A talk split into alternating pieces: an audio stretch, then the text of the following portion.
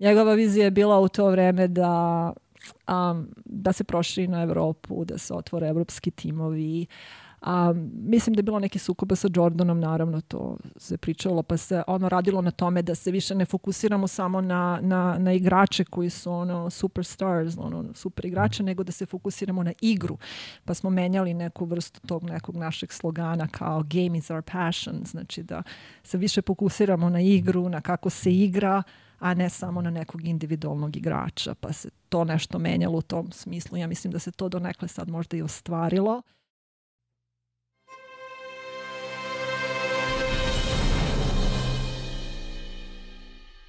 Pozdrav svima i dobrodošli u još jedan Java Mile podcast. Kao i svake srede, zahvalimo se Admiral Beto i Matijašević Vinogradima na podršci. Uh, da zamolimo da zapretite YouTube kanal da bi bili informisani o našem radu, o napretku, novinama, tako da o, sad je evo, kraj septembra, početak o, oktobra, stižu neke nove stvari na, na kanal, zapratite da biste bili u toku šta radimo i kako radimo. Da danas imam specijalnu gošću, A, ovako, kako bi to mogli da, da, da, da nazovemo ovaj razgovor? Pokušat ćemo da približimo kako je raditi ovaj, za NBA ligu iz neke pozadine. Može tako da... Apsolutno. Apsolutno. Da, dobro. Daniela Draginić je sa nama. Daniela, dobro došla u ovaj moj Hvala. mali Hvala skromni što ste me show. pozvali. Da. Moje zadovoljstvo. Pre svega, na odmoru si tu, uh, što bi se reklo, poklanjaš svoje vreme ovaj, za, za ovaj podcast. Hvala ti na tome. Kako se osjećaš, što bi se reklo, posle koliko godina biti u svom rodnom gradu? Osjećam se divno. Uvek Beograd volim i ne mogu da se ne osjećam dobro u Beogradu, ali mnogo se jede, jede, jede, jede, jede, ne znam. Hrana je glavna stvar kad dođem kući, jer Ali to je dobro, otac mi je je kuvar, dobro. tako da kad krene to ide na sve Znači da je strane, samo kvalitetno. hrana. Kvalitetno, veoma. Da. Je to najviše što je nedostajalo svih ovih godina? Ne. Zapravo, koliko godina si, nisi bila ovde? Pa pet godina, Pet godina. trenutno. Inače sam ranije dolazila malo češće nego u poslednje vreme zbog korone i tih stvari nisam imala priliku da dođem. Šta se promenilo od poslednjeg dolaska? Jo, Bože, pa meni se čini da se sve promenilo. Ja sam ono ko burek u svemiru. Kad dođem, traj, ovo nova zgrada ovde, nova zgrada onde, šta se ovo gradi, šta se dešava. Ali nekako mi iskreno ove godine bilo jako prijatno, zato što vidim da se nešto dešava, vidim mnogo ljudi na ulici trče, rade nešto, puno dece, puno mladih bračnih parova. Mislim, nekako mi deluje onako pozitivno s moje neke perspektive. Sad, ljudi koji žive ovde možda neće da se slože sa mnom, ali kao neko što gleda to neko kao, ono, kao outsider, da tako kažem, um, meni deluje onako da se neke stvari dešavaju u Beogradu. Pozitivne stvari, čini mi Pa se. ima pozitivnih stvari, naravno, uvek ima i ovih negativnih, ali e, pošto nisi bila dugo godina ovde ovaj, i, i iz iskustva znam svih prijatelja koji dolaze, svi kažu lepo je doći na par nedelja, ali Jes, sve je preko je, ovaj, to je definitivno previše. tačno. Da, ali znate, ono uvek, ne znam, nije sjajno ni bajno ni inostranstvo. Mislim, svuda postoje prednosti i mane, tako da se zavisi ko što voli. Tako je, ali e, i, bra, bravo, i to kad kažeš ovaj, prednosti, ok, lepo je kad odeš preko, sve to izgleda uređenije, sređenije, ali kad radiš tamo i kad uđeš u taj njihov sistem, da li je to da, zaista da što vi želite, da. To je to. Ok, primanja jesu verovatno bolja nego ovde, sve, ali a, neka kalkulacija, verovatno kad se odbiju svi troškovi mesečni, Jeste. manje više, Primanja su bolje u poređenju, eventualno sa, e sad pričamo inostranstvo i konkretno pričamo o Kanadi, jer sam trenutno u Kanadi, a priranja kao jesu bolja, ali zato su vam i troškovi mnogo veći, pa se sve to nekako svede na, na isto manje više. Naravno, zavisnosti od toga šta radite, svako se bavi drugačijim poslom i neko pravi velike pare, neko ne pravi velike pare, sve zavisi. Ali Apsolutno. generalno, ajde da kažem kao mi obični smrtnici radimo i zarađujemo neke pare, um, to prilike bude isto, ja mislim da se na isto svede u suštini. To je to, kad se podvuče linija na kraju meseca, šta ostane?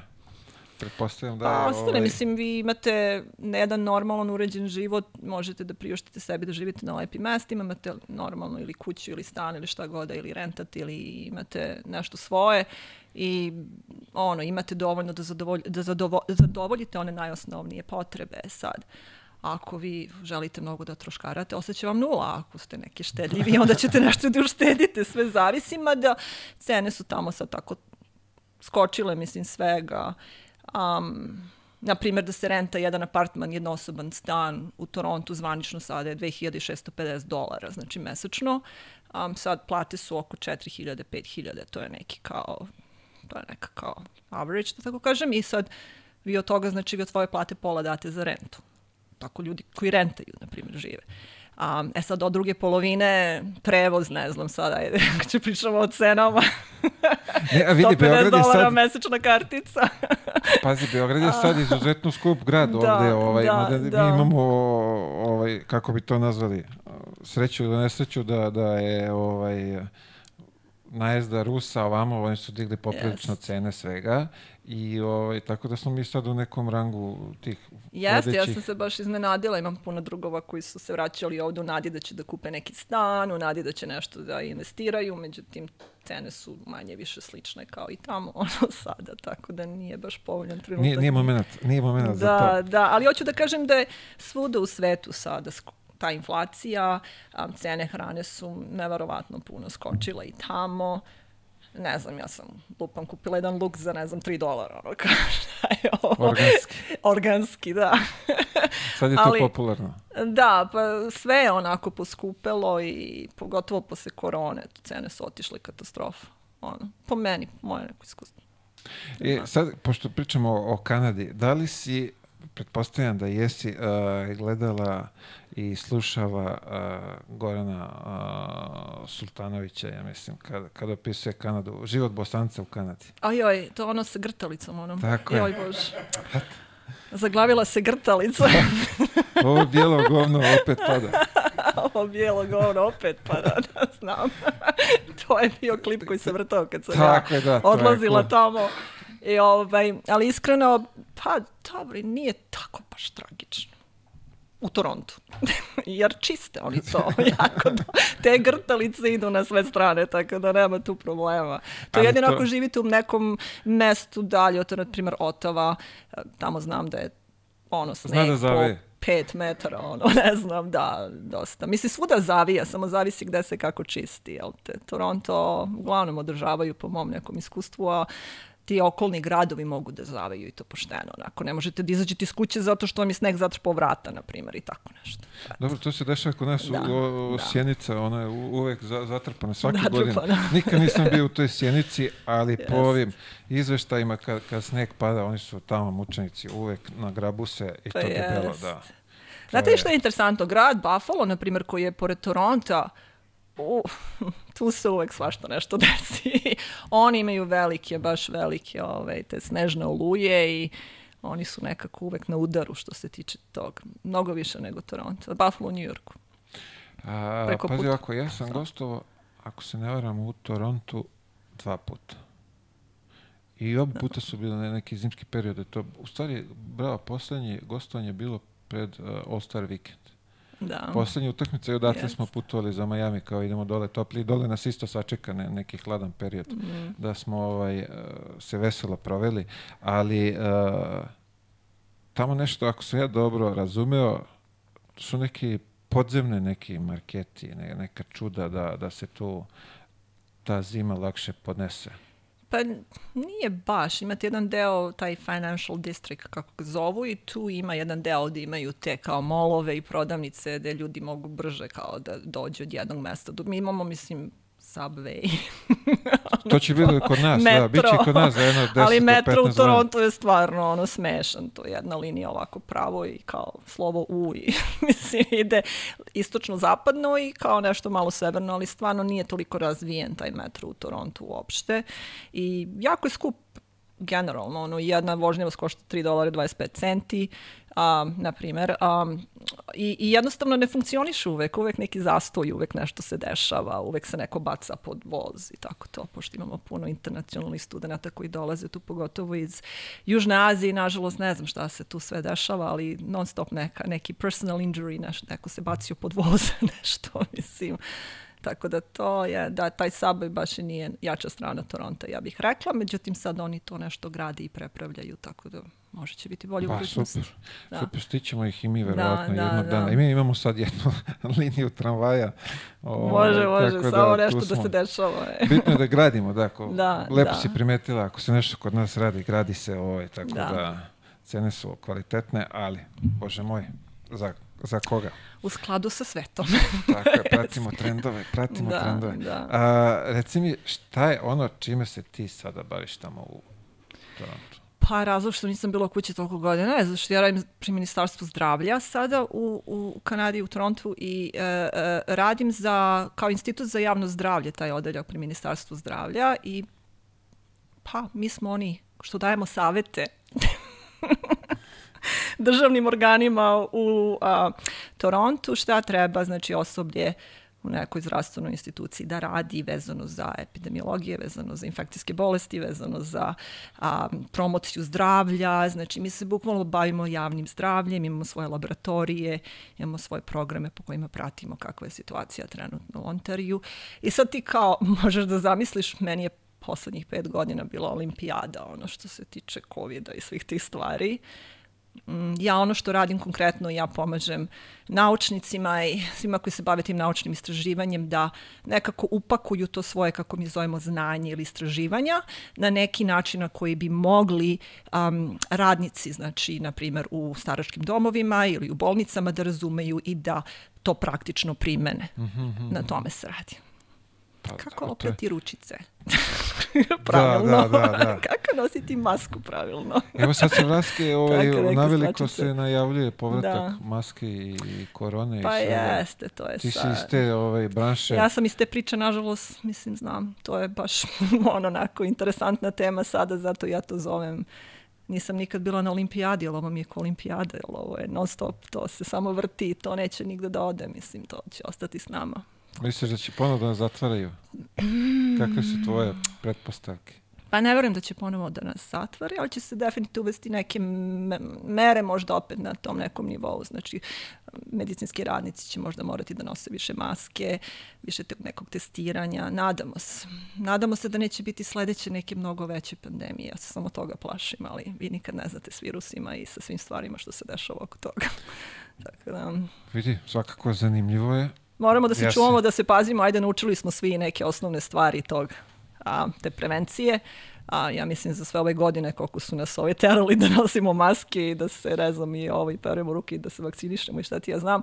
Tako da mislim da će ljudi možda i naučiti neke osnovne, tako kažem, stvari kako da se zaštite od tih nekih infekcijskih bolesti. To. A, Pa se nadamo da će možda biti manje u budućnosti. Sad kad smo kod wishful toga, thinking je.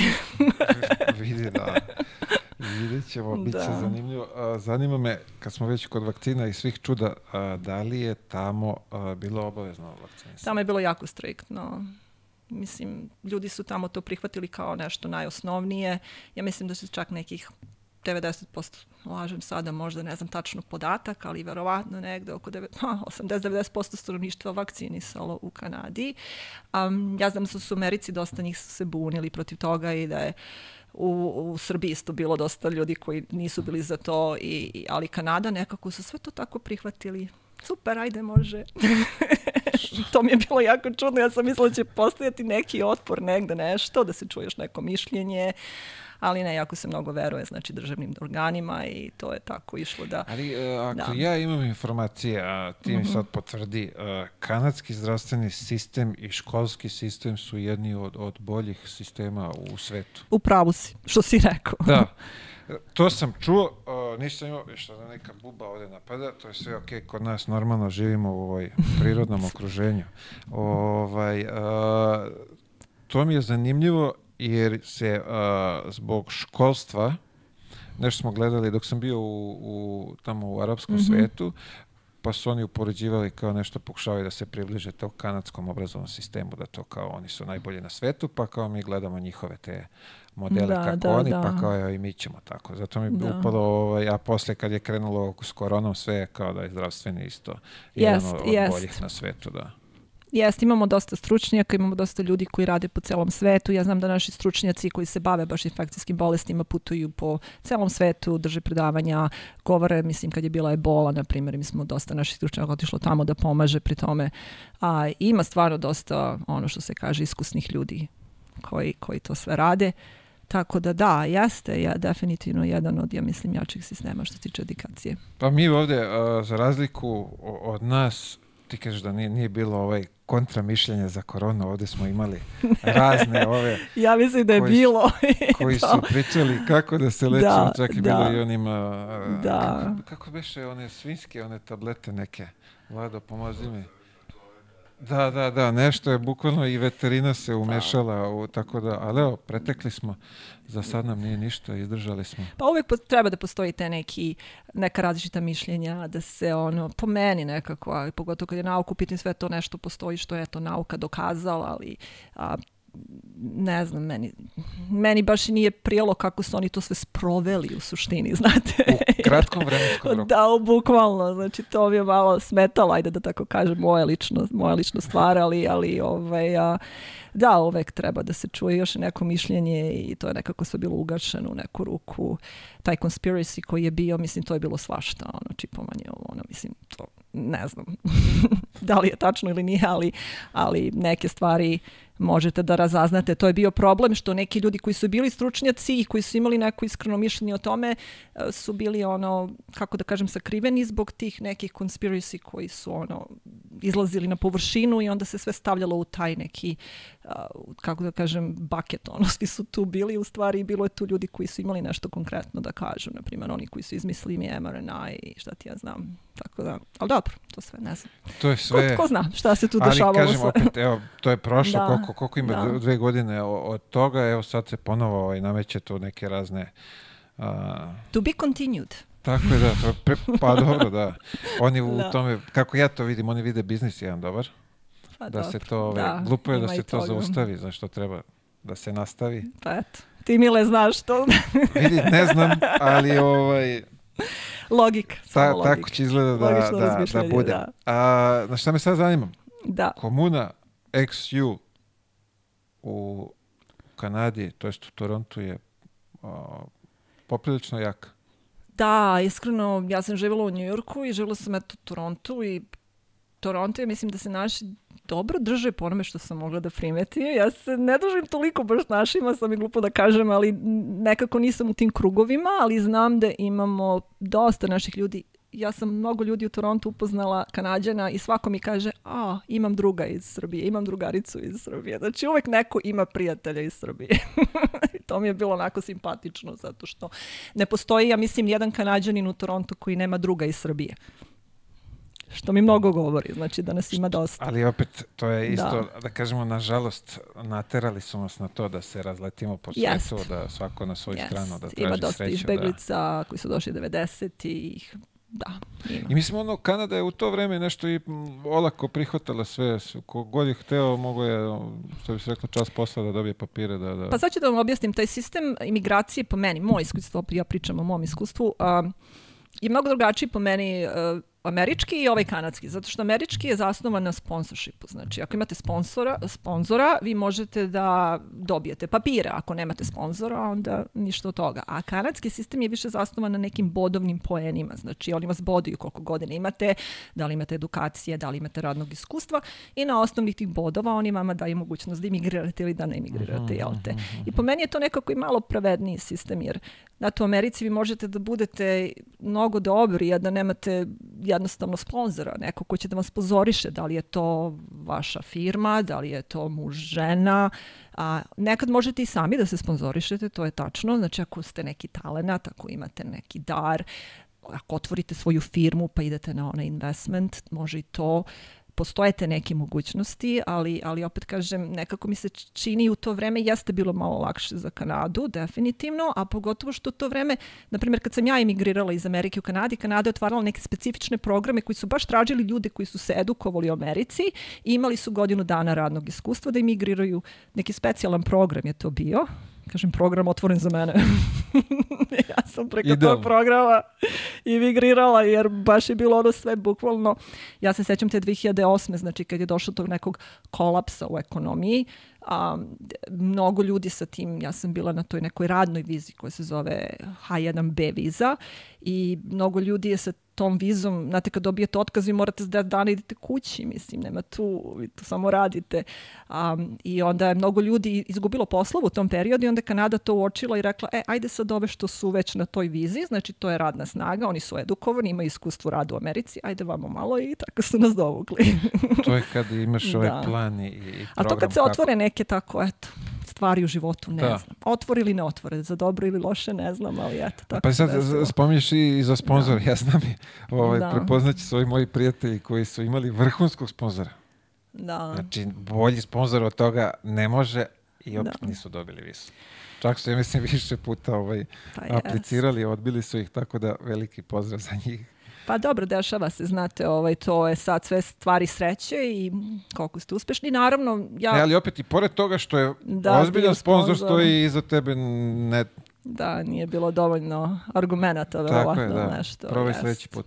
Jest, ima svega. Tako da da, i sad evo, ja isto hoću da apliciram za, za američku vizu, pa nisam siguran ovaj šta, kojim Pa putem polako da... samo da ispuniš sve uslove mislim da će biti ok, samo kažem nije meni za Ameriku nekako uvek malo bilo teško nekako mi izgledalo, znate, u to vreme kad sam ja tamo bila te neke rane 2000-te i šta ti ja znam i 90-te, um, uvek mi se činilo da samo ako se udate ili oženite možete da dobijete papire, ali su svi oko mene se ženili i udavali, mislim, to je bilo klasično. Pa to je najlakši A način. najlakši način i o, drugi ljudi koji su dobijali su bili ne, ljudi koji su radili za koleđe univerzitete. Ja mislim da koleđi i univerziteti u Americi su malo privrženiji tim stvarima, oni hoće da vam pomognu u suštini ako radite za koleđe ili univerzitet i dosta naših nekih ljudi koji su studirali, radili, a, su uspeli da dobiju te papire i to je neko moje iskustvo sad naravno. Zelena karta lutrija, to je druga priča.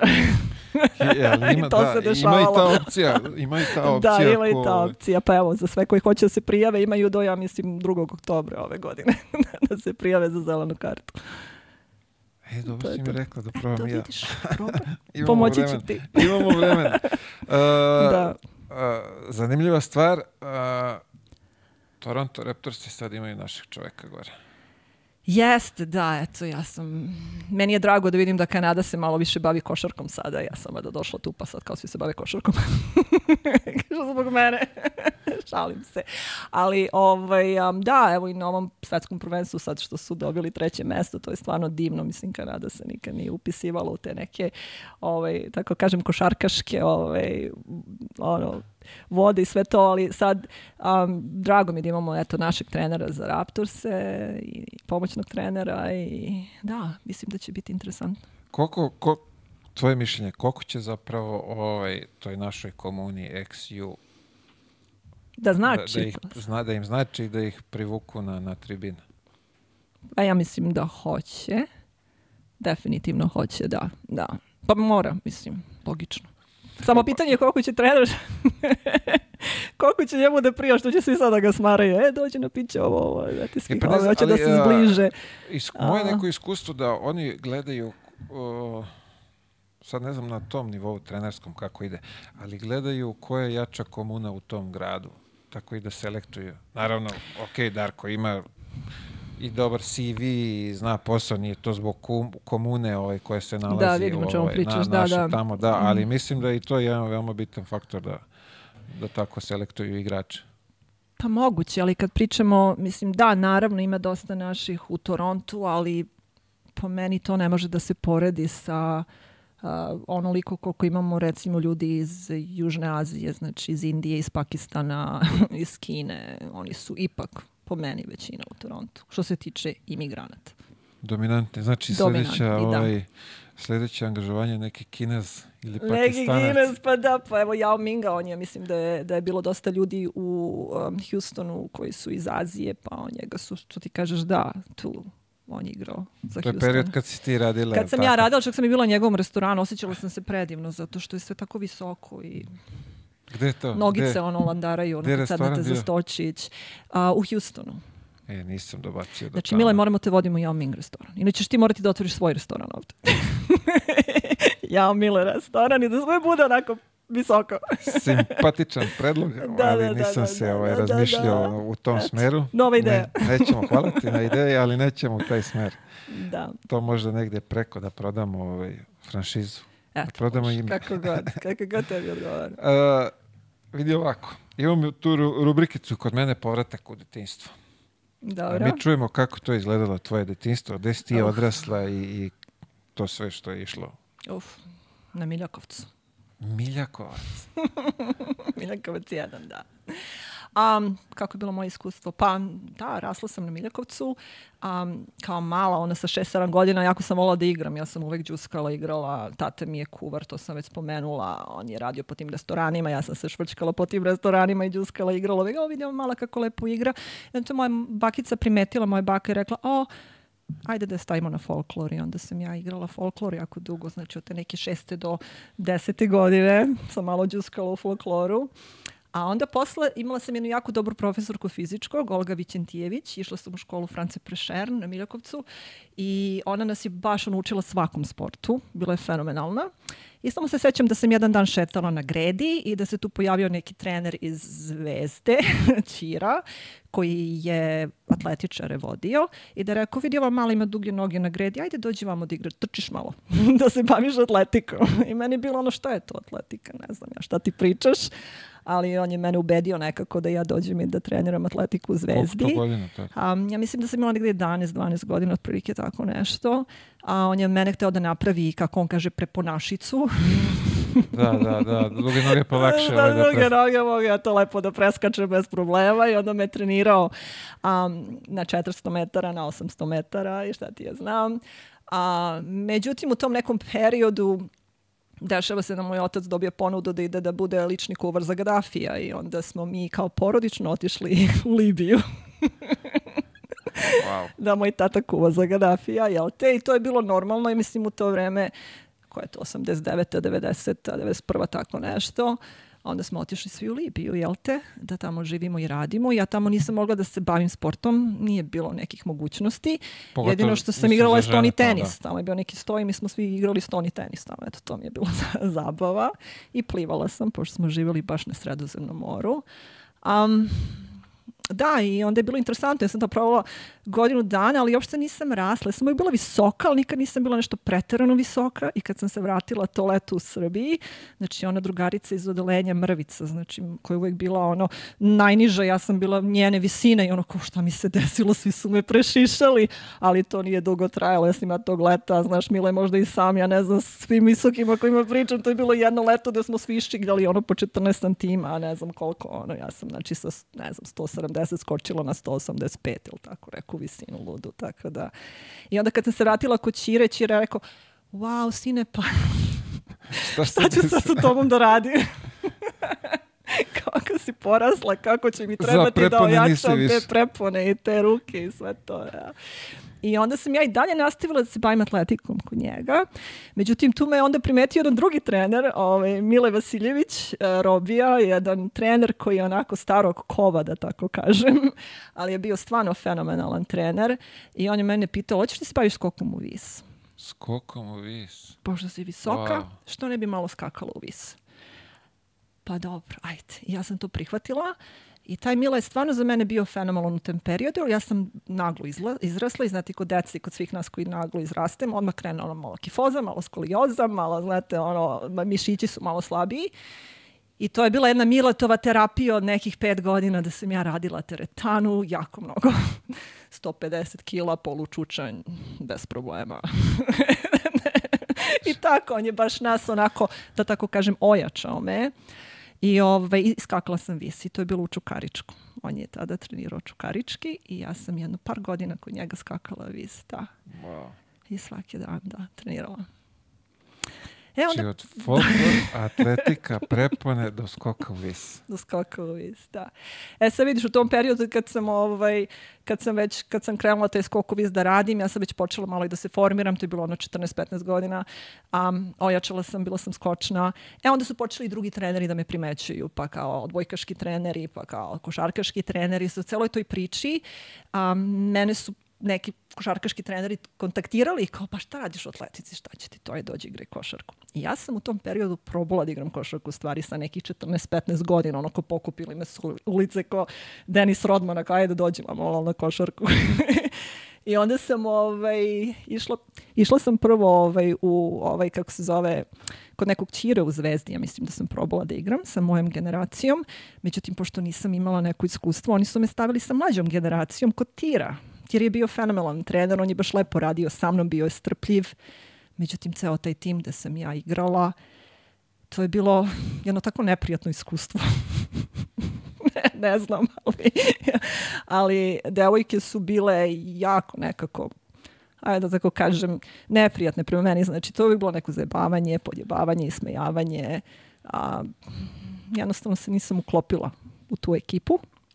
Bila je jedna devojka ili dve koje su mi bile stvarno i ostale posle drugarice, ali većina njih je bila jako onako ovaj, negativna. Ja sam ja bila tu neko ko, jeste bila sam visoka, ali nisam imala ne, neki skill i onda ja ne znam, Tako taj da, bullying da, da, da. klasičan, jel te? Tako da sam ja posle, godine, posle godinu dana treniranja kod tira rekla, u Zvezdi rekla sam, neka hvala. Neću Košarka nije za mene, ne zanima me. Tako da je ta košarka ovaj, otprilike, završila se tu priča moja neka s košarkom, makar meni u glavi. I onda sam se vratila opet da skačem u vis. I onda sam otišla kod Kampija u Partizan. Onda sam u Partizanu skakala vis nekih... Um, pa dobro, koliko dve, tri godine, ne znam, ne mogu se sad tačno setim. I tu sam u stvari najviše skočila koliko sam skakala tada. On je zaista jedan divan trener i stvarno mi je bilo ono zadovoljstvo raditi s njim i bio je onako opušten i jako pozitivan čovek, ono, kao i trener. I tako da sam ja tu nekako nastavila da, da, da se bavim tom atletikom. Međutim, šta se dešava? Eto ti život sada. Odlazim kod drugarice na rođendan posle jednog treninga i ovaj, samo što sam završila trening i, i vraćam se, znači spuštam se s Partizanovog stadiona i neki dečko mi prilazi i kaže što si visoka treba da igraš košarku. Ja rekao, "Z- zaboravim, ne zanima me košarka. Probala sam. Ula, probala sam, ulazim u tramvaj, a tamo me susreće neki drugi lik, kaže, ja sam pomoćni trener Zvezde, ja, koliko si visoko, dobro si građana, ajde, molim te, zovi me da igraš košarku. Ako ljudi puste me na miru, neću da igram košarku, ne zanima me. Izlazim iz tramvaja i znači, ispred zgrade te moje drugarice, juri za mnom neki treći lik i, i viče mi ono sa poljane neki kao, e, devojko, stani, stani. Šta ono, prilazi mi i kaže, e, ti si visoka, treba da igraš košarku. Meni je već ono preko glave njih troje za, za, za jedan dan, ono, dosta više, ono kao otprilike. Ali taj treći lik mi je rekao kao da je on zainteresovan, da on igra košarku, da on igra futbol u Americi i da, da ovaj, postoji šansa da on zna da tamo njegovi treneri traže visoke devojke i da bi bilo, eto, bi mogu da me poveže da igram košarku u Americi. Ja sam njemu repu rekla, ne zanima me košarku u Americi, ali znam jednu devojku, pošto stvarno kad sam igrala u Zvezdi, ja se sećam koliko su se neki od tih devojaka spremale za Ameriku, one su baš i učile engleski i pripremale se da idu na koleđ. I ja sam rekla, znam devojke koje su zainteresovane, pošto ja tebe da bi povezala s tim devojkama. Međutim, u celoj toj priči na kraju ispalo da sam i ja nekako završila u Americi. Bez, da igram košarku. znači, bukvalno bez ikakve ovde, Bez da kažeš... ikakvog pretaranog iskustva u Tako košarci. je, da. Wow. I evo me zanima, niste da te prekne malo pre... A, a, to što, što si ti rekla, na ovaj, zajebavanje, podjebavanje tih a, drugarica u tome, to se ovde danas a, ovaj, a, podvodi kao vrš, vršnjačko nasilje. Mislim, danas je to sve ovde ovaj, ne, nekako drugačije nego iz tog perioda kad smo mi odrastali. To je pre bilo normalno, ok, nije, Da. neprijatno je, za, Jest. na primjer, tebi Da. nije bilo prijatno, oni nisu imali obzira za to. Sad me zanima kako je ovaj, kako si ti reagovala na, na, na to sve? Pa znate kako, i uvek, kažem, mene uvek košarka nekako i taj sport spasi u neku ruku, jer kao devojka koja je rasla 90-ih sa svojih, ja sam 197 visoka, sa svojih 190, um, ja sam bila podložna raznim provokacijama, znači vidi kolika si čaplja roda, ovo, ono, znate, to je ono klasika u Srbiji, mislim, tada bila. Um, tako da meni je to sve bilo nekako, ok, normalno, mislim, ali nije bilo, nije prijatno, naravno, ali znate, tako da meni sport me nekako vadio, ja sam se bavila sportom, ja sam se bavila muzikom, ja sam muzičku školu, ja sam pevala u horu, ja sam imala neke obaveze, ja sam non stop pokušavala tim nekim svojim obavezama da krene misli s tih gluposti, ali mi to stvarno nije bilo prioritet. Tako da, međutim, kad sam došla u Ameriku, to je bilo interesantno, jer kad sam došla u Ameriku, onda ove crnkinje iz kad ti priđu, kaže, wow, you're so tall, go girl, yeah, that's great, znaš, ono, nekako mi ono, wow, znači, totalno drugi mentalitet, ono, ljudi, znači, što Ovde se od tiče ovih toga. gde su Da. podjebali, zajebali, tamo do maksimalne podrške do i razumevanja. maksimalne da. podrške, a you're model, you look great, la la la, znači to su neke stvari koje ono baš vam ono kao, uh, vidi stvarno, Pa nisam je toliko loša. nije sve tako loše, nije sve tako crno, znate, tako da, ne znam, i uvek kažem da se nisam bavila tim sportom i da sam imala previše vremena da razmišljam o tim stvarima, verovatno bi bilo u nekoj depresiji, ali znate, uvek morate imati neki cilj u životu i da radite neke stvari, da radite, radite, da ne obraćate pažnju da kako se ja danas osjećam, šta mi je ovo, nego jednostavno cilj i pičete prema tom cilju i nema ne može ništa da Vidi, ozbiljno dobar model i savjet si sad ovaj, dala ovde, kogod bude gledao kući koji ima žensku decu. Ovaj, z- Ovde sad stvarno kod nas to je vršnjačko nasilje, maltretiranje, to se sad, ovaj, kako to već oni ovaj, ovde kategorišu, ali to je, takav je trend trenutno. Zato me zanima kako je, mislim, ti si u tim godinama mlada, nisi a, psihički nešto baš mnogo prejaka da bi ti to kao tek tako ovaj, ipak verovatno je ostavilo neke posljedice na, na tebe taj, taj period. Pa iskreno, ne znam, jasni nije, ja, ja, kažem, mene je spasilo to što sam uvek svoju energiju usmeravala na neke korisne stvari. Znači, ili je to bila muzička škola, ili je to, ja sam svirala u Krsmancu, na primjer, godinu dana flautu, pa sam putovala po Srbiji i uves, svirala. Znači, meni je to bilo interesantno. A ta, ja sam, ja sam nosto bila zauzeta. Ja ustanem ujutru, krene škola, znači ide se u školu, onda se ide na trening, onda se uveč ide na probe i onda dođem kući ono, u 12 ujutru, to se znalo, u 12 noću i kao otvoram frižider kilo hleba pojedem i da učim nešto i opet spavanje, mislim.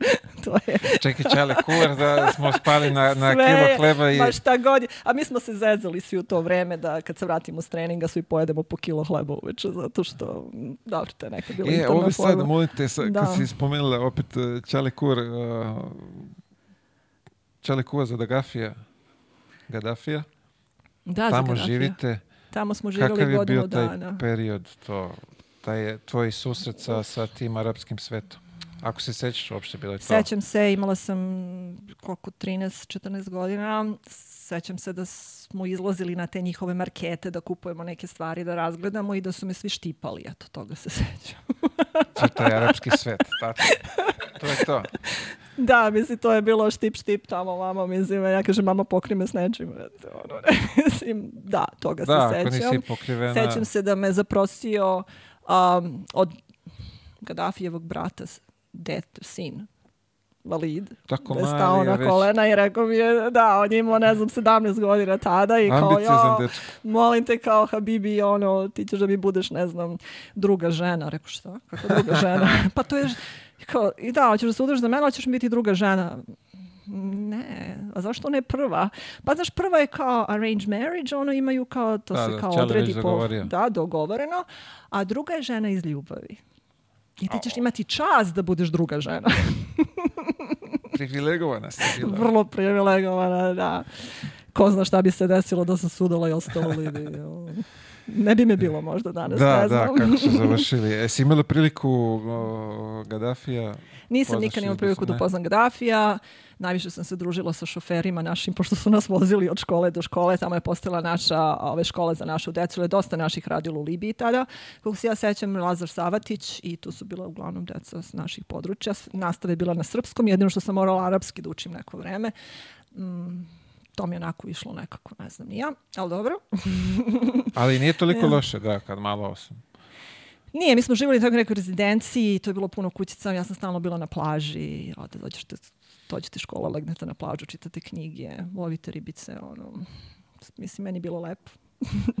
U tim godinama najbolji, Pa da, najbolje pa moguće da. za te godine života. Pa da, pa da, pa šta, to je ono. Ali dobro, nije dugo trajalo, tata je nažalost igrao futbol, pa se nešto povredio, pa smo morali da se vratimo kući, pošto mama je uvek verovala našim doktorima više nego tamo i onda smo se vratili posle godinu dana. Ha, dobro. Ali opet, svakako lepo iskustvo. Super, da. Uh, skok, uh, rekord. Koji ti je bio rekord? Pa ne sećam se sad više, ja sam skakala preko 180, znam sam da li 185, tako nešto sam najviše skočila, koliko se ja sećam. Nisam nikad bila nešto kao preterano, ja se sjećam i tih Jugosla... uh, takmičenja starim Jugoslavima, sam nešto bila druga. bila je jedna Marijana koja je skakala uvek, mnogo više od mene mi se skakala. Ona je bila niža od mene, ali je bila jako dobra skakačica, ona je uvek skakala uvek taj. Ja ne znam sad št- Da. koji su rekordi za, za devojke. Ne znam, nisam bila Stefka Konstadinova, nisam bila Dragutin Topić, definitivno nisam, ali sam u to vreme, dok sam trenirala kod Kampija, a, sam trenirala da idem, pokušavali smo stvari da možda eventualno se kvalifikujem za, za olimpijadu u Grčkoj 2000-te. I onda smo radili možda na tome da, eto, kao taj neki rekord oborim, da bi mogla da idem na tu olimpijadu i to je bio moj cilj. Dok taj dačko nije mahao sa poljanice, ej, hoćeš da igraš košarku u Americi. Čekaj, od, od predloga Da. za, za ti pošalješ ovaj, drugarice svoje, ti se završila tamo. Pa manje, da. Da. Ja sam, moja ideja je bila da ja njega povežem sa tom mojom prijateljicom, u stvari posle se ispostavilo da sam ja otišla ovaj, tamo, da. Jer kroz celu tu neku priču dok smo razgovarali i pričali, on je uspio da ubedi da kaže da to nije loša priča za mene i da ja mogu da probam. I onda je krenulo sve, pa kako, šta ja da pošaljem ti trenerima? Kako oni mene da vide da ja igram? Pa ja ne igram košarku. I, i onda kao ajde da napravim kasetu. I šta sam trebala da stavim na toj kaseti? Nemam utakmice, nemam ništa. A, sve što sam uradila, uzela sam jednu odbojkašku loptu i zakucala, eto. I to je bilo dovoljno. Sezaš. Pošto ja sa, ja sa, ja sa košarkaškom loptom nisam mogla, Ne možeš da mislim, meni uhvatiš, ruke, znaš, i- meni mini prsti nisu mnogo dugački, ja nisam mogla preterano, ja nisam mogla da je držim u stvari i to mi je uvijek bio problem sa košarkaškom loptom. Ne mogu da je držim i onda ne mogu da kucam, a odbojkašku bez problema to. Kucala sam sa odbojkaškom loptom sa teniske, jabuke, ono šta god dohvatiš u ruku, mogla sam da kucam. Kakav carski ovaj. Da. Kako se to zove? CV Da, da, vi, vrate, da, razumem. za kucavanje sa odbojkaškom loptom i... To mi je nije to. bio problem, stvarno. I čekaj, prošlo, samo na, na, na to si dobila stipendiju. Pa dobro, e sad, e, pa to je bila jedna od stvari koja ja mislim da je njih onako očarala, kao vidi ova kuca Wow. sa odbojkaškom loptom. Ima potencijal. to je, nažalost, kako bih voljela da sam mogla da kucam s tom košarkaškom to mi je jedino krivo, ali dobro. Jel, ima sad je Ja, ja. negdje, uh, video sam uh, da se po- povela tema oko toga zašto WNBA nije privlačen toliko publici i zašto je malo love tamo ko- kod njih. Pa je onda uh, bar Shaquille O'Neal je pričao da bi bilo ok uh, da spuste koš niže da bi bilo atraktivnije. Da. Tako je da nije loše. Ništa se ne menja, mislim samo Da. malo prilagodiš visinu koša. Ovaj, da To bi bi- bilo fenomenalno, onda bi se to više bi devojaka kucalo, na primjer, i to bi bilo interesantnije gledati. Pa upravo zbog toga, da. ja mislim da da. Zanimljiv definitivno. primjer, ne znam, zanimljiv ovaj predlog, ne znam da li će o, usvojiti, ali je svakako Daj Bože. ako rade na popularizaciji, Ne, evo ja ću prvo da da kucam. to to, da se vrati. Iako sad ne mogu da skočim. Možda čak i sa košarkaškom loptom. Možda čak i za košarkaškom loptom. Da, sa dve ruke. A, za šta me zanima sad? Ti a, odlaziš, prihvataju te tamo na koleč. Kako je to izgledalo iz tvog ugla? S obzirom da napuštaš svoju zemlju, roditelje, odlaziš u nepoznato. Pa i to je bilo jedno prilagođavanje. I zapravo znaš. koji koleđ bi u pitanju? Um, ja sam igrala u Franklin Pierce University, to je u New Hampshireu, to je divizija 2, igrali smo za Northeast 10, to je druga divizija. Mislim, nisam mogla ni da sanjam, ono, prva divizija, nisam ja ipak kao što rekao, ja nemam košarkaški rezime. Za prvu diviziju verovatno je bila potrebna košarkaška lopta da, da, da, da, ovaj, ali pa ne znam, interesantno je bilo to što trenerima se valjda svidelo što sam što znam, ono, znam, razumela sam ja košarku, mogla sam ja da igram košarku, um, oni su videli da sam ja jako visoka, oni su videli da ja mogu da sam skočna, da sam brza i to se valjda njima svidelo. Ja kad sam došla tamo, nisu mi samo rekli, ja sam ih pitala što ste vi mene ovde doveli kad ja, ono, nisam baš u košarci ceo svoj život. Oni su mi rekli, you cannot teach height. Ne možeš da treniraš visinu. Njima to treba. Ja sam stvarno zaista bila u celoj toj ligi, ja mislim i najvišlja devojka. možda je bilo par njih koji su bile tu negde, možda moje visine, oko 190, 192, 3, ali ja sam bila ipak tamo najvišlja. I onda to u početku mi je bilo jako zanimljivo, jer ja, ja, ja trenizi pripreme, ja brža od point guarda, ono, ostavim point guard. Ali dobro, pazi, i to je sad opet isto zanimljivo, Da. znači ti si krenula s atletikom, Pa da. što ti dale posle Jest, u, u, jest. u Mnogo mi nekoj- je to značilo, zaista. Um, ja sam bila najbrža u timu, što se brzine tiče, a isto sam, ovaj, isto sam ovaj, dosta iskakala. Tako da, banana tamo vamo, ovo ono, neka uhvaćena loptica. to je bilo dovoljno za početak. Ali trebalo mi jedno godinu, dve da se razvijem. Ja sam tek treće godine počela onako malo više da se pokazujem, da dajem poene i šta ti ja znam. Ono, to treće, četvrte su mi bile najbolje godine, mislim, od tih četiri godine koje sam igrala. Zanima me dolazak tvoj tamo.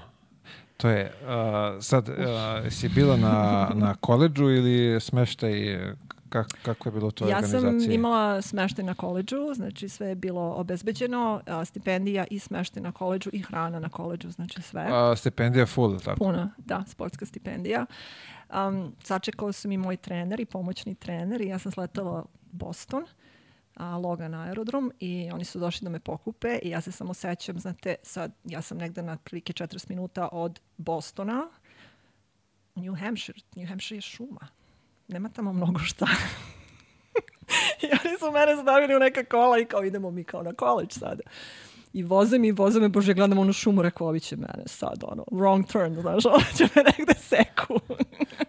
Ko zna gde me vode, ono, mislim, malo se upložila, ne znam, ono, dva nepoznata čoveka, vode me kao na neki koleđ, ali vozimo se kroz šumu sat vremena, ne znam gde ideš. Šta je to sve prolazilo kroz glavu? Svašta nešto. Ali onda kad sam videla, naravno, taj, ovaj, sad je to univerzitet a, i sve to, onda mi je bilo lakše. Rekla sam, a dobre, sigli smo. Mnogi su se žalili Da. uh, i, i dan danas se uh, žale na to privikavanje, ritam, obaveza, rano ustajanje, treninzi, škola. E, meni nije bio problem privikavanje vezano za te radne obaveze, zato što ja kažem, ja sam uvijek bila super aktivna u Srbiji, svašta sam nešto radila. Čak što više, meni se ritam i smanjio tamo kad sam otišla, jer ja sam ovde na sve strane bila. A, nije to bilo problem. Ja mislim da je problem više bio, znate, vi dođete kao stranac, sad treba da se uklopite u tu kulturu, devojke koje igraju košarku sa mnom, one već imaju neke svoje fore i fazone, pa onda ako vi još ne pričate dobro engleski, onda se ne uklapate toliko sa njima. Um, njima je bilo vrlo interesantno da ja njih naučim da one psuju, da pričaju neke tako reči, da kad dođe utakmica da mogu da opsuju, ne znam, ono, sudiju ili nekog i, i onda smo se tako pozdravljale ono, na naš, aj sad da ne psujem. Imali smo neke interesantne tako detalje, a njima je bilo vrlo interesantno da oni mene napiju tamo, onaj freshman association, zato što vi kad dođe tamo ta prva godina, svi koji smo freshmani, koji smo prva godina, oni moramo da se razvolimo od alkohola. Ja nikad nisam bila nešto zagrizana za taj alkohol, nikad nisam pretarano ni pila, mislim, jer to je kod njih, ono sa 21 godinom, to kod ono se Bog spusti na zemlji, sad možete da popijete, Da, da, da. ono, Kod šta nas sa god, 21 idu na lečenje, pa bukvalno. na odvikavanje. Pa jeste, pa mene tata sa šest godina slao da mu kupim rakiju u prodavnici. mislim. Sam i sad kao ja sad, znaš, nije mi to, i probala sam i kad sam bila mala i nije mi to uopšte nešto bilo onako fascinantno, ali to je njima fascinantno, na tom koleđu se pilo samo tako. Da, oni jedva čekaju, da. Da, ali to je, to su neke stvari koje sad morate kao da se prilagodite, pa da li to da uradite da bi mogli da se kao, da budete kao oni ili da ne uradite ili da, mislim, znaš, sad jeste malo onako challenge da se priviknete svim tim njihovim Moraš da stvarima izbalansiraš. svim tim stvarima, onda bilo je naravno i ljubomore, zato što neke devojke su tu bile na nekoj kao polu stipendiji, ne punoj stipendiji, pa onda uvek kao, e, kako se osjećaš što imaš punu stipendiju, mislim. Odlično. da. Ne znam kako vi, ali ja odlično. Da, ali bila sam malo, eto da kažem te prve godine i usamljena zbog celog tog nekog, eto kao prilagođavanja, ali nešto, ne znam, ne znam kako sam uspela da to sve, ono, prevaziđem. Čekaj, engleski jezik. Nisam f- dobro pričala engleski. Meni je engleski uvijek bio loš. Mislim, ja u srednjoj školi ovde profesor kao jedna nikako Draganić ne može imati dvojku, trojku, ne, ne, ne. uvijek mi je davala neke dvojke. Mislim, pazi, ja sam bila ovde u 12. Beogradskoj gimnaziji. To su profesori stavo, starog kova bili neki koji su nas baš driblali. Ja se sećam u odelenju ono ko dobije trojku, taj je car. Znači to, je, to su bili kontrolni zadaci iz engleskog gde svi dobijemo jedan, jedan na dva, dva na jedan, dva minus, mislim, neke ocene, Da, bože me sačuvaj. Ja sam uvek bila nešto dvojka iz tog engleskog. Tako da ja kad sam otišla tamo, meni to bilo kao, wow, pa ja ne znam baš engleski, ja sam ga brzo savladala. Ali imala sam dva Bensonova rečnika velika koje sam koristila stalno da pišem sastave i tako to. Da. Pošto sam prvi čas došla tamo, kompjuter stoji ono, computer science čas. Ja gledam sad, pazite, 90-ih, ja kad sam rasla u Srbiji, imali smo mi informatiku, imali smo onaj kao, nije bilo miša, nego nešto smo kucali tamo. Ja nemam kući kompjuter tad u to vreme, nisam, nisam ja imala, moja porodica nije imala to. I ove, ja dođem tamo i ja ne znam da uključim kompjuter. I sad jedan dečko sedi pored mene i ako izvini kako se pali kompjuter, on ha ha ha, baš zajebavaš me kao daj. Ali ne zajebam se, ozbiljno te Ne, pitam. ozbiljno te pitam, ono, kao, znaš, i onda je bilo i to, nau, naučiš pa kao kucaš, pa kako kucaš, pa da li možeš da kucaš, pa onda dođe profesor iz engleskog pa ti kaže, za sledeći čas, a, pet strana, 12 PT fonta, onaj kao New York Times, otkucati jedan rad, kao vaše iskustvo, ne znam, dati temu. Ja samo za glavu, pet strana, čoveč. Ma kakvi ono 12 font veličina, ja ga stavim 35. Samo ja da ga razvučem da bude pet strana. Jer ne znam. I to je bio stvarno najteži deo, ja mislim, te prve godine engleski i pisati sastave na engleskom kad znate par reči samo ono da kažete da. I, i, i slušanje tih predavanja i tako dalje i tako dalje. Wow. Da. To je o, o, traumatično. Jest. Velika trauma. Pa, pazi, ja gledam po sebi, smutiš tamo engleski ništa i Da. dolaziš ko bačen sa, smar, sa, sa Marsa, ono, ne znaš ni gde si, ni šta si, ni kako treba. Jest. Pitao mi, ja sam čekao onaj, onaj social security number, ono, čekao sam ga tri meseca, nikada, bez njega ne možeš ništa da uradiš. Da, znači, da. bukvalno ne, ne možeš da odeš u prodavnicu da kupiš bilo šta bez, to, bez tog čuda. Jest. Znači, to je za mene tako bilo ono neprijatno iskustvo. Traume ostavilo na, na meni. Dva, dva nešto meseca sam proveo u hotelu. Wow. Ne možeš nigde, ne, nemaš pravo na kola, ne, nemaš, Pa da, pa dok da, se pa to da. ne reši i onda tamo. I Da. onda, ajde, okej, bilo je ovamo uređeno, a, dobra je organizacija, dođete, odvezute, ali nećete vozi niko u market, nećete vozi niko da prošetaš šta god treba, Da. što misliš da, da treba, Da. nego ono. Sad ono, dolaziš ti tamo, okej, kapiram da je drugačije, možda za nijansu i lakše, tvoja generacija, svi su tu oko tebe istih godina, pa, Pa, pa, je, se ja lakše mogu samo ti zamislim kako je tebi bilo da se snađeš da im objasniš šta hoćeš. Jaj, muke moje. Niko ne zna muke moje, znaš kako. Pa ne, ali nešto je najgore. Ne znaš ti čak ni neke reči, ono pa pobrkaš, pa ne znaš kako se ovo kaže. Ono kaže, ja se sećam moj drugi jedan, oprostit će mi, što ću da kažem sad, ali ovaj što je studirao sa mnom, on je otišao u taj kao kancelariju da traži isto tako neki papir i on je umesto piece of shit tražio piece of shit. I ga je pogledala i rekla, šta ti treba? Jesi siguran? Ali to su neki mali detalji, to je, mislim, mi smo imali interne ono, fore što se tiče tih sličnih reči na engleskom Da, koje da, stvarno... da, da. Ja sam imao to iskustvo. Da. to su, joj, doći će i oni kad tad na raport sa španskim. O, pa dobro. Da, to da. tek mogu da zamislim. Da, to je to baš onako, ispalo je veselo. Ali dobro, bilo je Pričat ćeš mi o tome kad se završi emisija. Da, da, nije, nije za ove, Da. za, Za širu za, publiku. za širu publiku, tako je. A, ti budeš proglašena za najboljeg centra, ali tako, te vaše e, konferencije? Nisam, nisam bila Ne? najbolji centar, ali sam bila najvišlja, eto. A Proglašena za najviše. Najviše, Šalim da. se. Manitabo, ono, kao.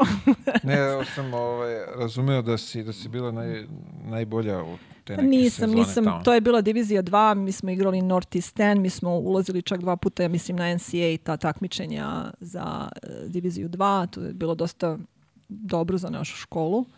Um, ali nije, uvek su postali neki drugi univerziteti koji su imali jako dobre igračice i to. Meni je bilo u stvari, ja, ja sam kao atletičarka pril- prilično onako i mršavija i meni je uvijek bilo teško nekako da se ja lakcam sa crnkinjama. Eto, znaš, Mile, verovatno. Sa crkinjama se nisam nikad laktao, Dobro, ali sa za- crncima, da. da. Sa crncima, mislim, znaš, oni malo igraju i to ono kao prljavu igru, da tako kažem, pa ti stanu na nogu, stanu ti pa te gurnu, pa ti nešto u koleno lupe. E, Njima je smetalo što ja kad branim loptu, kad dignem, znači, moja, moj lakat, to njima dođu ono kao negde da im je glava i onda su uvek nalazile neke načine da me ovaj, da se odbrane jel, od mojih laktova. I onda je tu bilo dosta ono gurke i da, treba biti malo drusniji u košarci, ja mislim, ono, Pa, što se tiče da. ovaj, fizičke građe u neku ruku. Definitivno. Treba znati i udariti laktu. Treba znati udariti lakte. Da, Zapravo treba se znate, a, znati zaštititi laktu. Zaštititi, Tako, bravo, da. tako je. To da je se to. pravilno izrazim. To je da. to. Kad znaš sam sebe da štitiš, šta Nećemo ovaj- da se udaramo. Tako sada, je, da. Najbolje kad se samo štitiš. A, a, ovako, ovo me isto zanima. Na koleđu si, bila si ovde, išla si ovde u, u srednju školu, odlaziš tamo. A, gde je lakše učiti? Ovde ili tamo? Pošto je tamo, ako sam ja dobro upu- upućen, dobiješ pitanja i odgovore i ti samo treba da zaokružiš tačan, je li tako? Dobro, donekle. um, pa ja sam, mislim, spomenula da su meni straumirali u 12. Beogradskoj gimnaziji svi ti profesori koji sam imala tamo, jer to je bilo svaki. Predmet je bio najbitniji predmet na svetu i ja se sećam, ja ti kažem, to je bilo, to, to moralo da se uči, ono nije to bilo, A bilo za... je opširno. Pa bilo je mnogo opširno i, znate, ono, vi, vi ono, izlasi na tablu, pa vas izvede, pa odgovarate, pa, pa i pismeni, i kontrolni, i usmeni, i svašta nešto, ono, i to uopšte nije bilo naivno. Pogotovo kad se bavite sportom, pa s- energija ide na druge strane i onda ne stignete ni da učite. A znate da će da pita, pa ono bude, baka mi je bolesna, ne mogu danas da odgovaram. oni, oni, uvijek smo nalazili neke ono izgovore zašto, izgovor zašto nalazi, ne da. možemo da odgovaramo. Ali ovaj, a, da, ali to je, da, u suštini to je bilo mnogo, mnogo ovaj, teže nego u Americi. A meni je Americi samo bio problem engleski, znači da ja razumem šta u stvari ja treba tu da odgovorim. To mi je bio problem, ali ovako zadaci kao zadaci, ja mislim da sam to vrlo lako savlađivala. Pošto ja sam tamo studirala grafički dizajn. A to je nešto što ja volim. Ja nikad u životu nisam mogla da upišem grafički dizajn u Beogradu, 90-ih. Jer to se znalo. Škola za grafičke dizajnere, morate da imate vezu ili da budete neki ono genije što se toga tiče. I nam da su nešto primali neki jako mali broj ljudi, 10-15 ljudi. Meni su moji roditelji rekli zaboravi se ti na to. ne može to. To je skupa igračka, nećemo To je tamo. skupa igračka, ne možeš ti to. Ja mi znamo da ti to voliš da studiraš, ali to neće moći i onda sam, ove, sam se upisala na učiteljski. Da, godinu dana. Da budem učiteljica. Wow. Da objašnjavam deci zašto avion ne može da leti unazad. A, Čoveče, od folklora, atletike, skoka, Svašta nešto. košarke, Svašta nešto. Svašta. Kakav, Da. ba- kakav bogat život. Uf, Zanimljiv pa ne znam, stvarno. Da. Jesi razmišljao ti o profi karijeri? O profi karijeri. Da. Pa jeste, ja kad sam završila college, onda sam kao, opet to nisu neke ne znam kakve ponude, ali sam dobila ponudu da igram, ne znam, bila je neka u Danskoj, bilo nešto u Belgiji i onda sam razmišljala, bože, da li imala sam neke ponude, rekao, da li da idem tamo da igram ili da ostanem i da studiram dalje u Americi.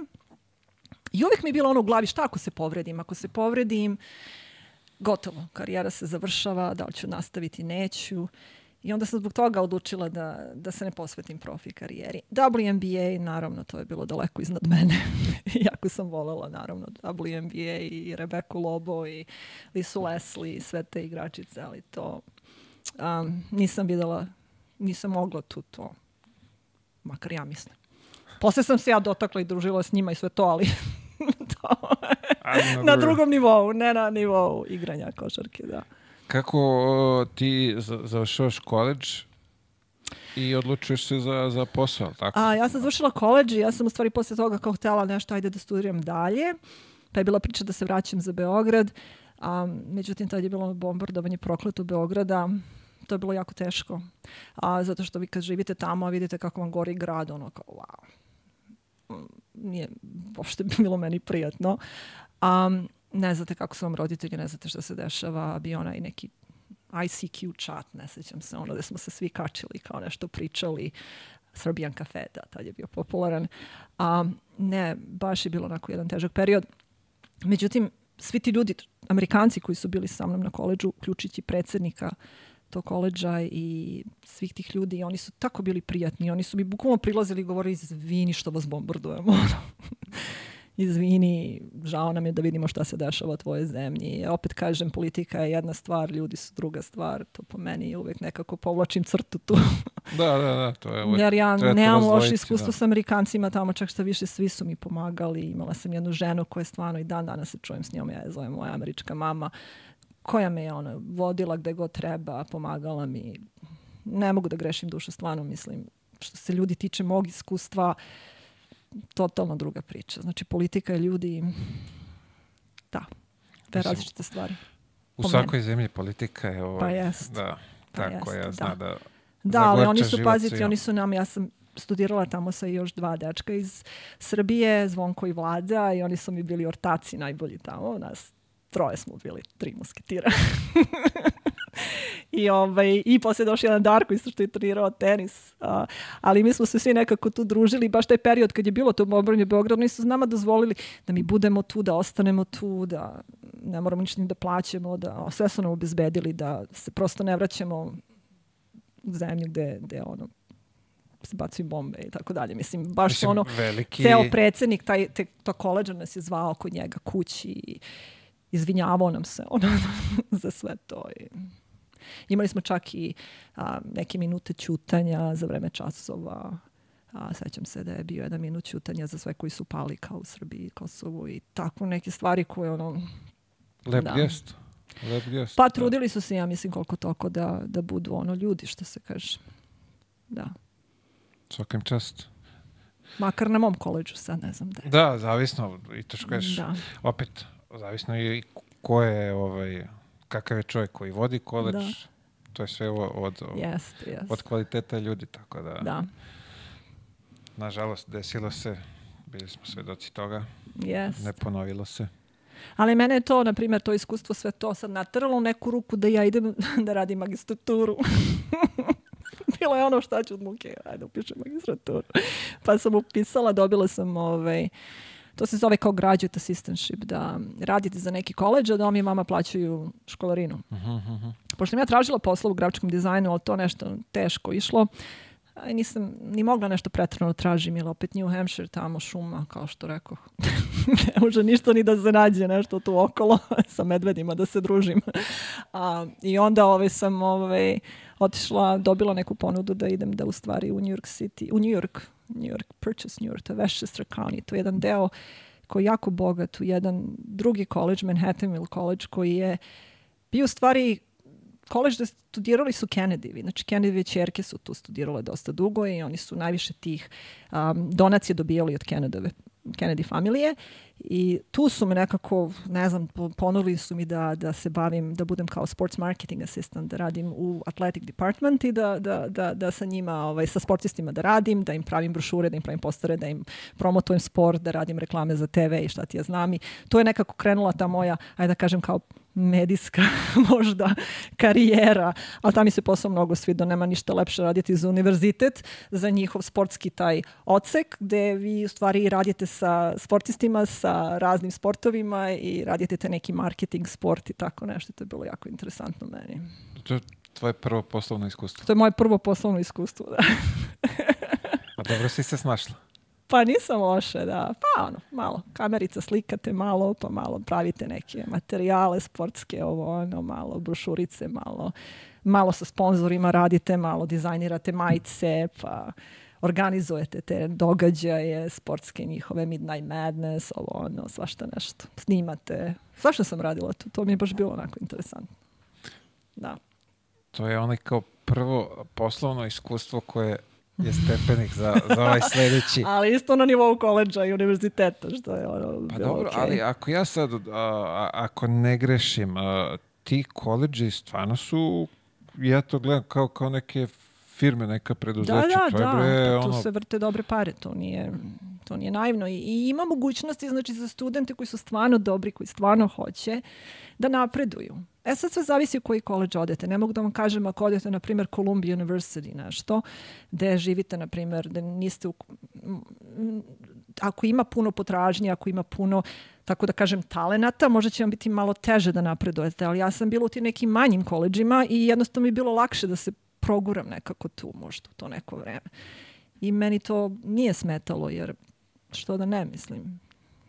Vidi, Ne. dobro je i bar kroz Da. razgovore sa ovim prethodnim a, gostima koji su bili, koji imaju veze sa, sa tim koleđima, veoma je, baš sam tako ja zaključio, da je veoma bitno da se a, odabere pravi koleđ na, na koji Jeste, ideš. naravno, jako bitno. I da znate šta hoćete. Pazite, ako hoćete, mislim, ja znam u Americi, ako hoćeš da se zaposliš, ja se sećam, a dotaći ćemo se teme i MBA, ali David Stern je, na primjer, gledao koju školu si završio. Veoma bitna stavka u CV. Mm, jeste. Da li imaš, da li si Princeton, da li si, ne znam, Harvard, da li si, on njemu je to bilo bitno da, da dolaziš nekog tako čuvenijeg, poznatijeg, jačeg univerziteta. A, ali to je bio jedan period kad se on, ajde da kažem, ložio na to. Da, da, da.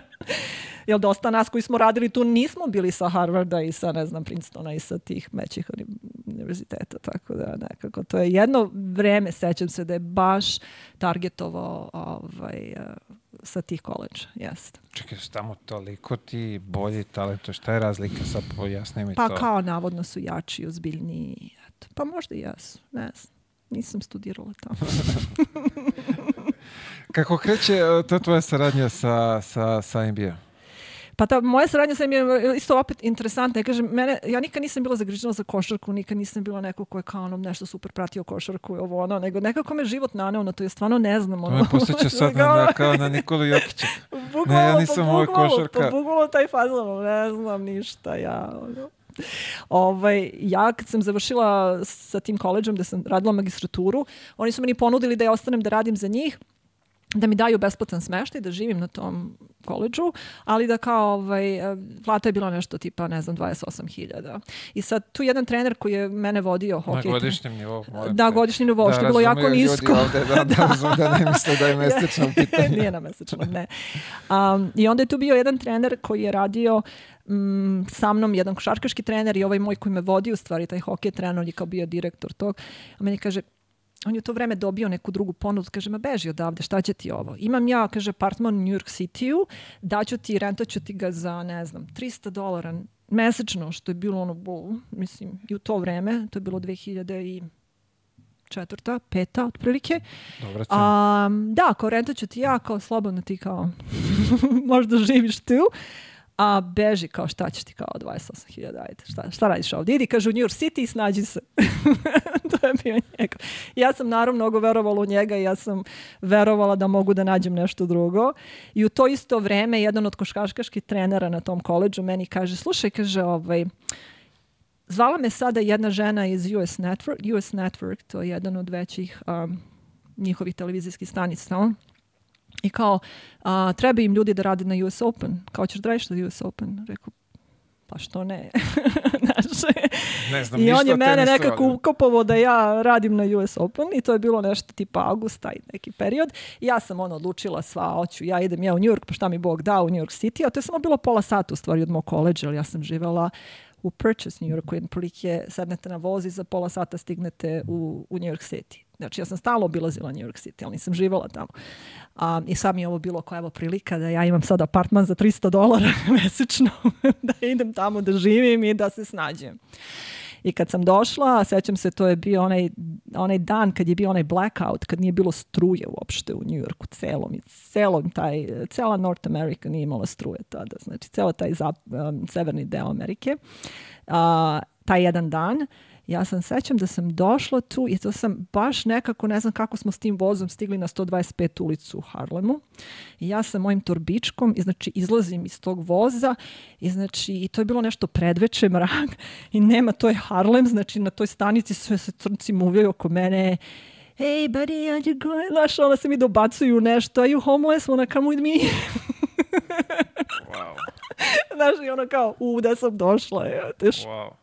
I onda prolazim kroz taj neki deo koji mi je bio onako sketchy, ono baš je bilo nešto onako. I samo mislim sebi, jo bože, samo da stignem do... A ne znam da idem, ono, prolazim kroz to, 125. ulica je jedna od čuvenih i poznatih ulica u Harlemu, ali ima nekih delova koji baš nisu tako čuveni i poznati.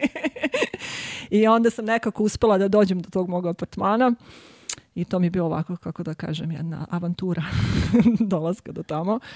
E, I tu kreće sve, znači onda se tu situiram, krećem da nalazim poslove, sad sam srećna što ću da radim za US Open, krećem da radim za US Open, tamo me ovaj, naravno US Network postave kao nekog produkcijskog asistenta.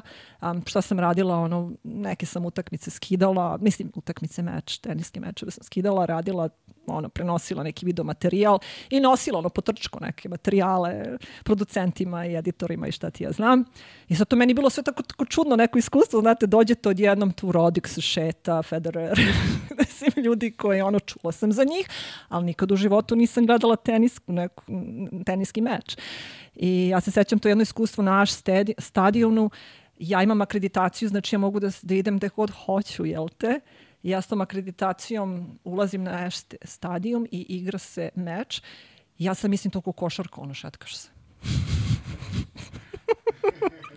Što da ne, ajde malo uzmem neki hot dog, neki ono, chippy chips, Totalno neki ono, da, ne, kao, daj da malo da se prošetamo mi tu. I ja ovako sa svoja dva metra, lepo fino se prošetam tu i ovaj rodik ono servira nešto i samo na trenutku onako digne onu lopticu, ok, spusti dole, okrene se i pogleda u mene. I kako je on pogleda u mene, on ceo Ash stadion vum u mene. I ja sam ono, jo, bo, bože baci onda Otvori se zemlja da propadne. da. I onda su me povukli tamo obezbeđenje, kaže, ajde dođi vamo, dođi, nemoj da se šetkaš. to mi je bilo, tako sam naučila u stvari da ja ne mogu da se šetam za vreme teniskog meča. Eto to, da, i onda naravno celo ta iskustvo sa tim viđanjem tih poznatih ličnosti i šta ti ja znam, bilo onako fascinantno.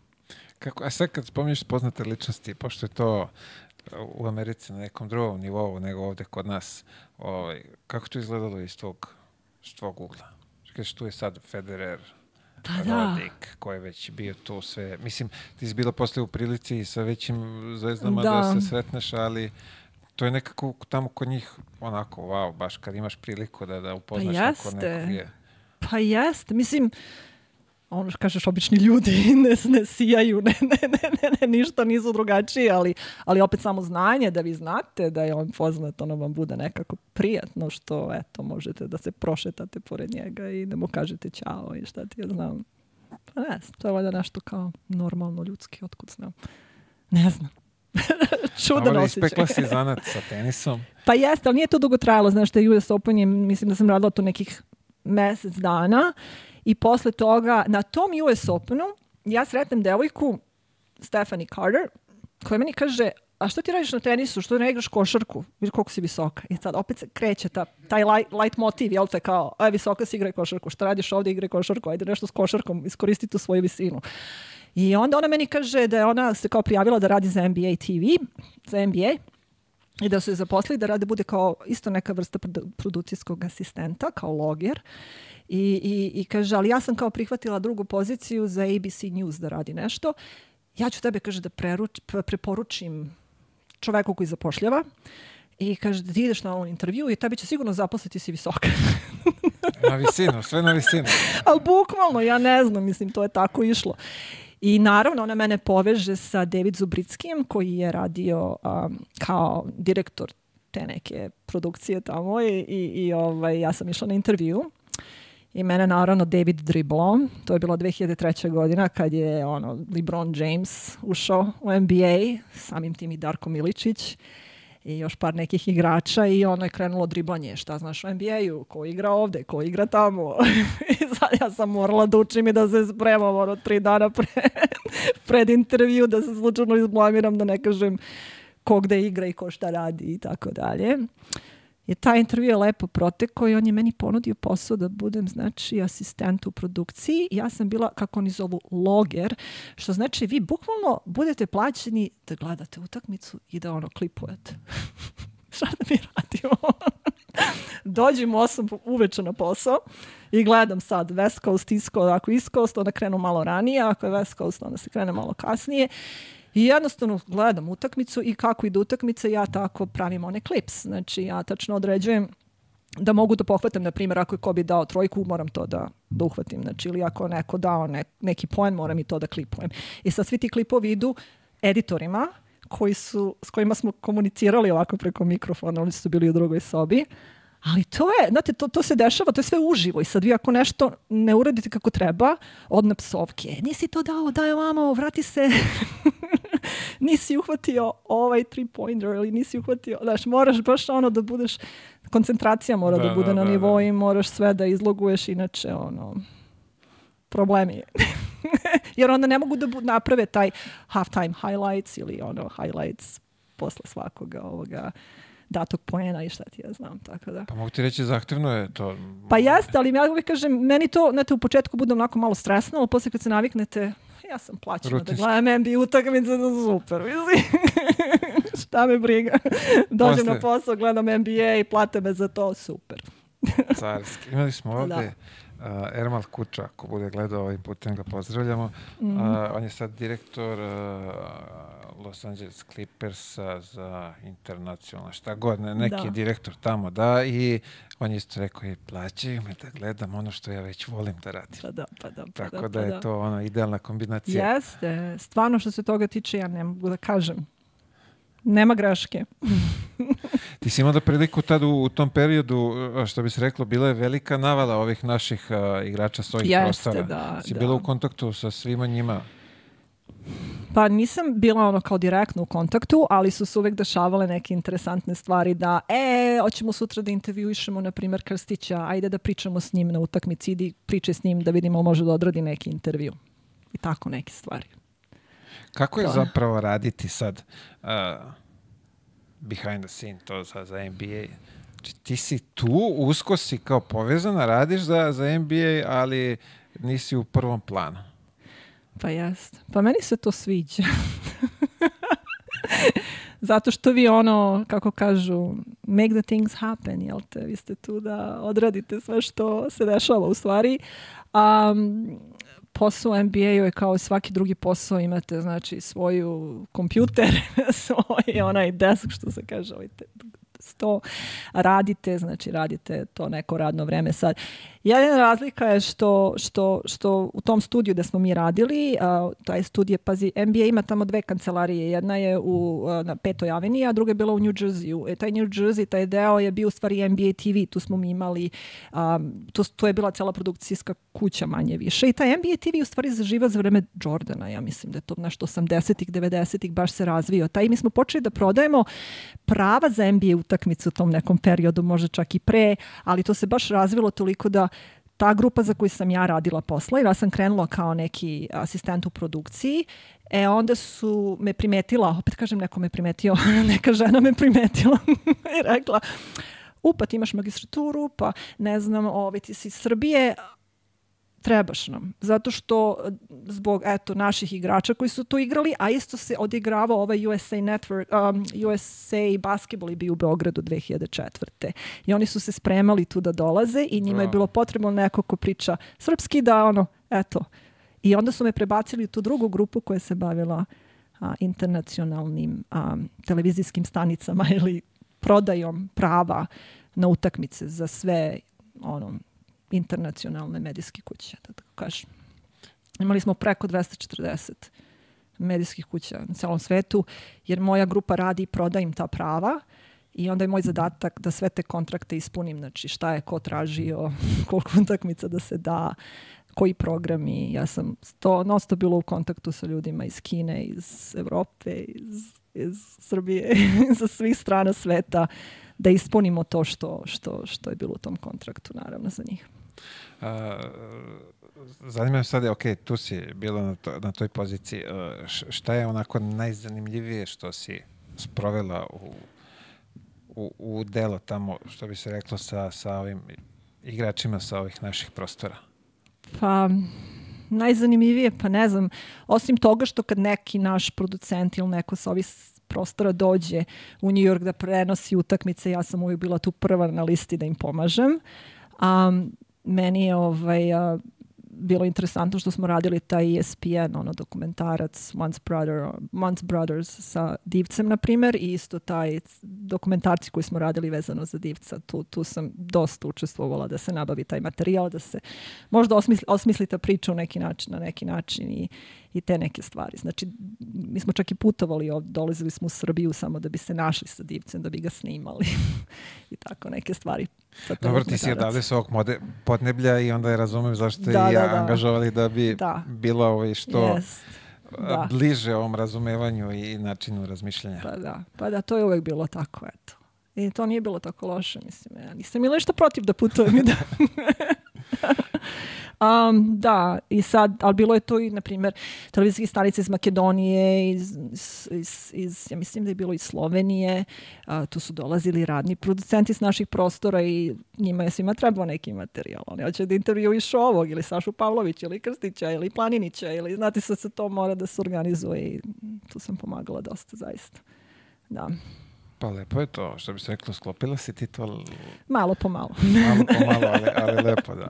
A, I si da. imala saradnju u tom periodu sa, sa velikim David Šternom? Um, pa kako kažem, nisam bila baš na tom nivou da imam neke konstantne sastanke s njim.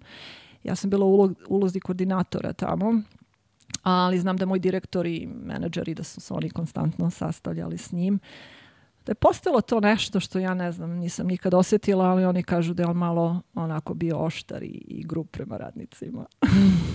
u smislu da kako da kažem, da je vladao ono strahom, ono da je malo zaplašljivo ljude i šta ti ja znam. A druga stvar da ne pričamo o tome što ja mislim da generalno ljudi u NBA-u nisu dobro plaćeni i to se znalo. A, ali kad kažem generalno ljudi, mislim, ne mislim na sve ljude u NBA-u zato što ono, mi koji smo radili, na primjer, toj produkciji, koji smo radili events ili neke tako stvari, a, taj neki kao support staff, kako zovu, to su bile relativno male plate. Um, u poređenju, na primjer, sa nekim koji se bavio prodajom, koji dobije bonus u veličini naše plate. Tako da je bio taj rasep, ja mislim, malo između ovaj, primanja u NBA-u. Um, čak sam čula da je posle kad je bio All-Star u Toronto i kad sam se videla s nekim svojim prijateljima iz NBA, da, da je čak Adam Silver dozvolio da, da svi koji rade u NBA-u preko 10 godina mogu da imaju, da uzmu godinu dana a, kao, ne, mislim, slobodno, a da dobiju, ne znam, 70-70% svoje plate kao wow, neki da. produženi da. odmor za sve njih. Um, ne znam, možda u znak zahvalnosti za za, za pre, duševnu bol. da, ne znam, lupam sad gluposti, ali, ali definitivno ovaj, a, postala neka vrsta kao zahvalnosti eto, svim ljudima koji su tamo preko 10 godina, jer vi kad tamo krenete da radite, prosto ne možete da odete.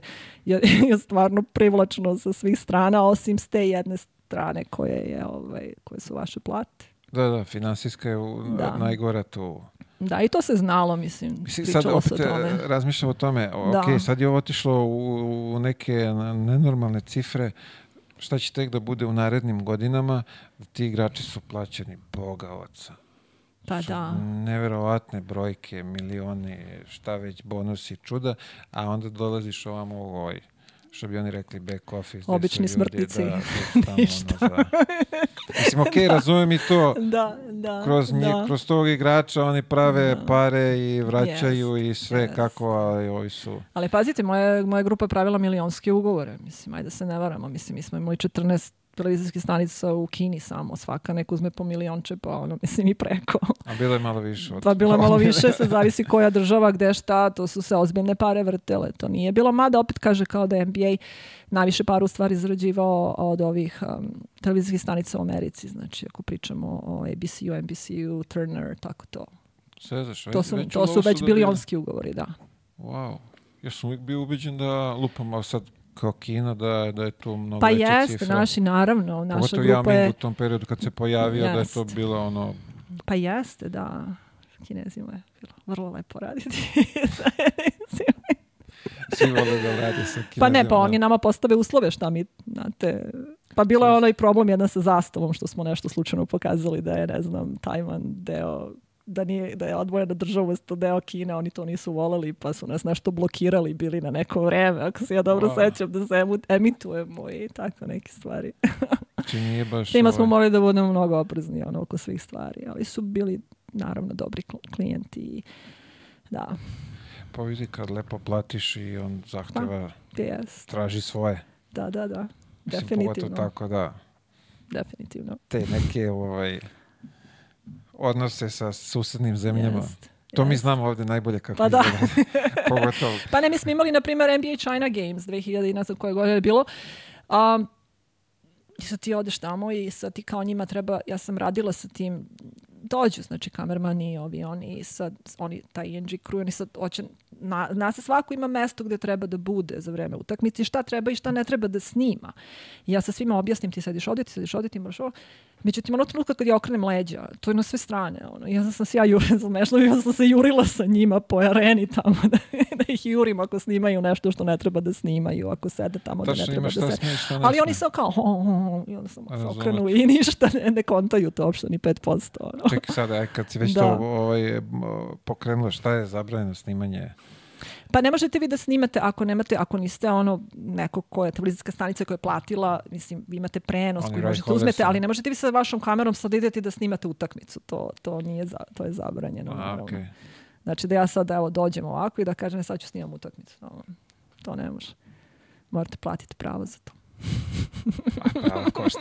A prava se plati košta. mile, ništa bez para. Ne, na sve. Zato Pa to je druga stvar, mislim, David Stern je stvarno bio ono, on je bio, ja kažem, maher za taj marketing, za sve to. A, ono, uvek se na nekom nivou smo se uvek držali što se svega toga tiče i te marketinga i svih tih stvari, ali on je zaista bio ono za pare, naravno, mislim, meni dođu neke televizijske stanice sa neke stvari sveta koje ja ono hoću da upoznam sa David Stranom i ja i Kaja, David, ovo je, ne znam, ta i ta televizijska stanica i on se lepo pozdravi s njima, onda mene povuče i kaže koliko para daju. Naravno. Računica je jasna. To je bilo normalno, da. Koliko normalno. para oni daju da bi nastavio razgovor? Pa ne da bi nastavio razgovor, nego ono što ga zanima koliko para donose u celoj priči. Jel? A zato dobro i funkcioniš. Jer Pa da, jes. da im nije ovaj... Kod njih je sve Verovatno ima i marketing. to. Pa jeste, da. Pa Sve on važi kao marketing wizard. On napravio je celu tu mašinu. Njegova vizija je bila u to vreme da um, da se proširi na Evropu, da se otvore evropski timovi. Um, mislim da je bilo neki sukoba sa Jordanom, naravno to se pričalo, pa se ono radilo na tome da se više ne fokusiramo samo na, na, na igrače koji su ono superstars, ono super igrače, nego da se fokusiramo na igru. Pa smo menjali neku vrstu tog nekog našeg slogana kao game is our passion, znači da se više fokusiramo na igru, na kako se igra, a ne samo na nekog individualnog igrača, pa se to nešto menjalo u tom smislu. Ja mislim da se to donekle sad možda i ostvarilo. A što se tiče proširivanja ono na Evropu i na on je imao, ja mislim da on imao viziju da, da to bude na celom svetu kao um, timovi i sve to to nešto nije išlo, bila je ona O2 ar- arena u, u, u Engleskoj, to je Tako, bilo nekako da. najbliže što smo ono kao dostigli, tu su se igrale neke utakmice, ali to nikad nije zaživjelo. Ja mislim da su verovatno problem možda vremenske zone, možda nešto i finansijski, ne znam. Ali znam da je bila ta vizija definitivno. Mislim, ako se ne vara sad prošlu sezonu da je Paris bio... Da, Jeste, mi uvijek imamo, te, mi smo Chicago. uvijek imali te NBA Europe Lives.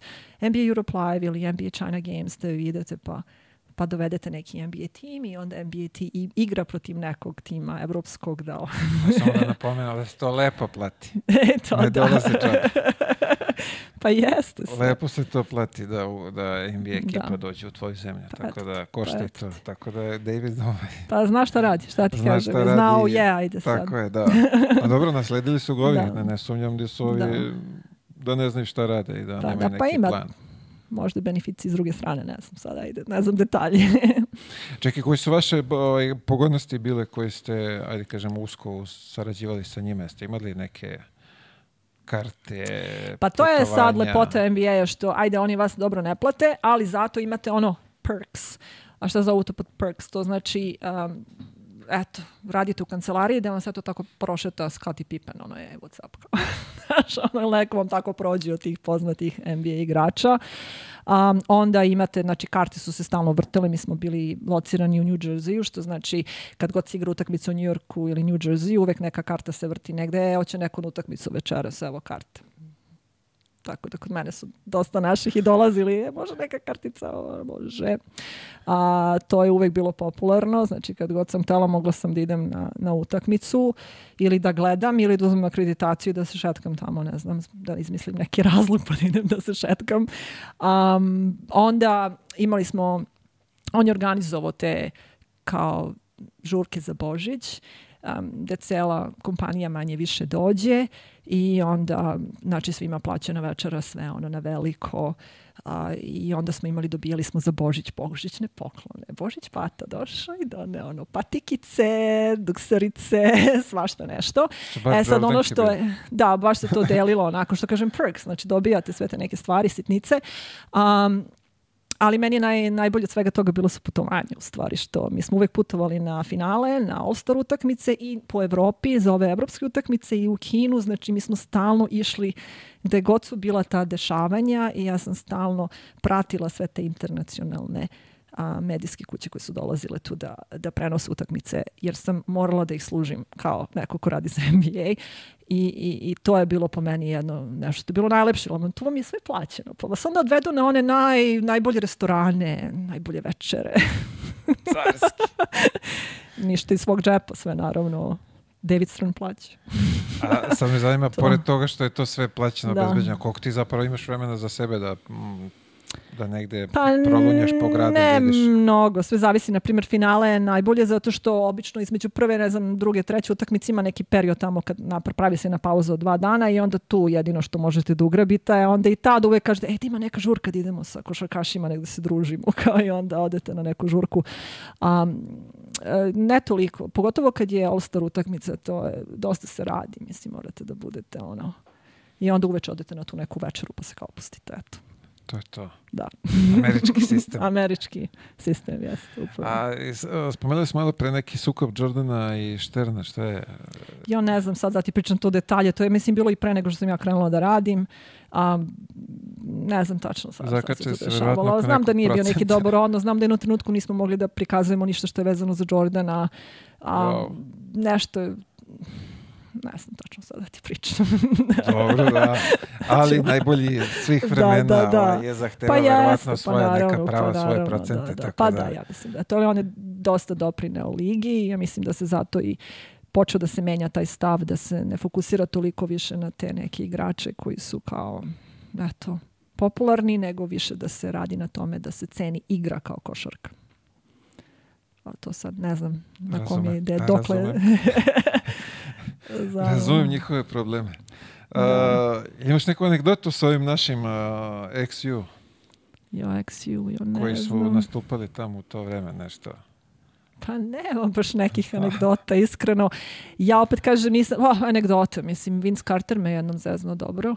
Um, ja sam ušla u, pošto ja kad sam radila, ja sam išla na utakmici New Jersey-a i obe sam tamo prisustvovala i moji producenti su mi rekli da nađi Krstića, trebamo nešto da ga intervjušemo. Ja sam ušla u slačionicu, naravno, vi kad uđete u slačionicu, ti to znaš, kad žena uđe u, u slačionicu mušku, to je woman in a locker room, kao ne, sad ne mogu da se skinem goje. znaš, kao što žena je ušla, jel te? Jer ne ulazi mnogo žena u slačionice muške, a mislim u slačionice generalno posle utakmice i ovaj, ja sam tu tražila, rekao da je Krstić i sad Vince sedi kao tamo nešto ga pitam, izvini, može mi kažeš da je Krsta, da, da ga nađem, treba mi Kaže, idi pravo i odmah levo, tu ćeš ga da vidiš. I ja naravno pravo, levo i bum u tušionicu svi goli, ono kod majke rođeni. znači on je namerno to uradio. Rekao, dobro, super, mislim, samo je bilo ono pogledi kao što radiš ovdje. Rekao, super, ništa, ništa, to je Pogrešno to, brate. Da, dobro, nebitno, onda sam se, ne znam, da, onda sam se zaglavivala u liftu sa Shaquille O'Nealom posle All-Star utakmice u Las Vegasu. Vraća, ne znam, to je onaj veliki teretni lift, nas deset se naguralo tu ima neke šipke kao zatvara se s nekim šipkama. Ja se sećam, mi smo svi bili tu i ja stojim pored šeka i samo lift stao. I on, oh, dobro, super, meni odgovara. Možemo da pričamo. I on je samo prodrmao malo onu šipku i lift je krenuo. Rekao, bravo Šek, ti si uvijek bio najjači od svih. A tako, neke gluposti, ali generalno ništa ono, a, ne znam, ne mogu sasvim se seti više koliko je bilo svi tih stvari što se dešavalo tamo. Svašta nešto. Vidi, to je onako... Uh, Da. uh, kako bi ti sad to ovaj, dočarao? To je nešto... Brzo je, dešava svaki dan nešto novo, tako da verujem da je bilo raznih...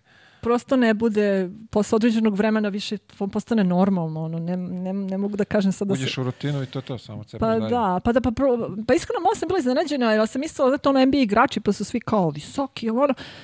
Ja sam pronašla sam ja višli od ono 50-60% igrača tamo. Meni su samo ovi evropljani bili visoki, čak i Shaquille O'Neal kad stane pored njega mi nije nešto bio ono, on jeste visok, ali on je krupan, ali ja kad stane pored njega nije mi delovao nešto pretjerano visok. Ono. A na primjer naši igrači, ono, pa Paul Gasol i Dirk Novicki, kad pored njih stanete, ono vidi se visina. Mnogo ste, da ne pričam Yao Ming to. Do Da, pupka. To, neće- nećemo to. Ali ovi američki uglavnom su mi delovali mnogo niži, ne znam kako tebi, ali meni, ja sam bila malo tu iznenađena, nisam očekivala, mislila sam da su... Pa je ovako sad, niži. opet pričao sam, Da. a sad ću tebi kažem, a, a, dve osobe koje su baš onako bile, wow, koliki su, i bio. Da. Šek, kad sam ga vidio prvi put Jeste, uživo, da, i Lebron. da, pa stvarno, ja Da, nisam imala. jer je on toliko bio širi, jači od, od pola naše ekipe. Tako da je onako uživo kad ih vidiš. U tom momentu, sad je Lebron, ok, Da, izgubio da, je da. masu, kako već da bi duže trajao. Da, ali u tom momentu kad je ušao ono, u ligu, godinu, dve, Jest. posle kad sam ja došao, to je, On je masivan, da. da, bi, da. bilo ga je, što bi se reklo. Te Carmelo Anthony isto bio dosta visok. Mislim, on je... Pa on je nekako više masan nego što je, Jeste, da, jeste, ovo je izdefinisan, tako da Jeste, to jeste. to je neki moj zaključak. Da. E, šta bi izvojila sada nekih, od nekih najtežih momenata u ovoj tvojoj basket karijeri? Igranja ili... Igranje, ili- ajde, dok si to koleđ. Pa ja mislim samo taj prvi deo, ono, početak. Znači, prilagođavanje, engleski jezik, a, da se uklopite u tim, da znate kako da se nosite sa Amerikankama, igračicama, igračima. A, ja mislim da to za svakog tako bilo. Neko dokazivanje da morate da ono fit in, što se kaže. To je to u suštini. Najteže, po meni bilo. Samo to. U stvari, teže mi je bilo ovde, iskreno, nekako, sa našim igračicama. zbog Misliš tog nekog iskustva, pa da, zajebavanja pa da, ono, tamo makar me niko nije, ono, ajde da kažem, Da. zajebavao toliko, da. Nije bilo taj bullying, da tako kažem. To je više bilo ono da se prilagodim njihovoj kulturi, a ovde već na drugom nivou.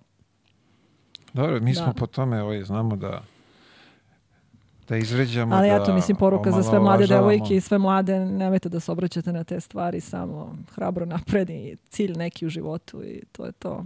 Ne. Je sada to, to mi je jedno od sljedećih pitanja. Uh, Koleđ, da li je on pravi izbor za, za ovde i igračice i igrače, kogoda, ko nije onako neki, što bi se reklo, vrhunski talenat za, za neka velika dela?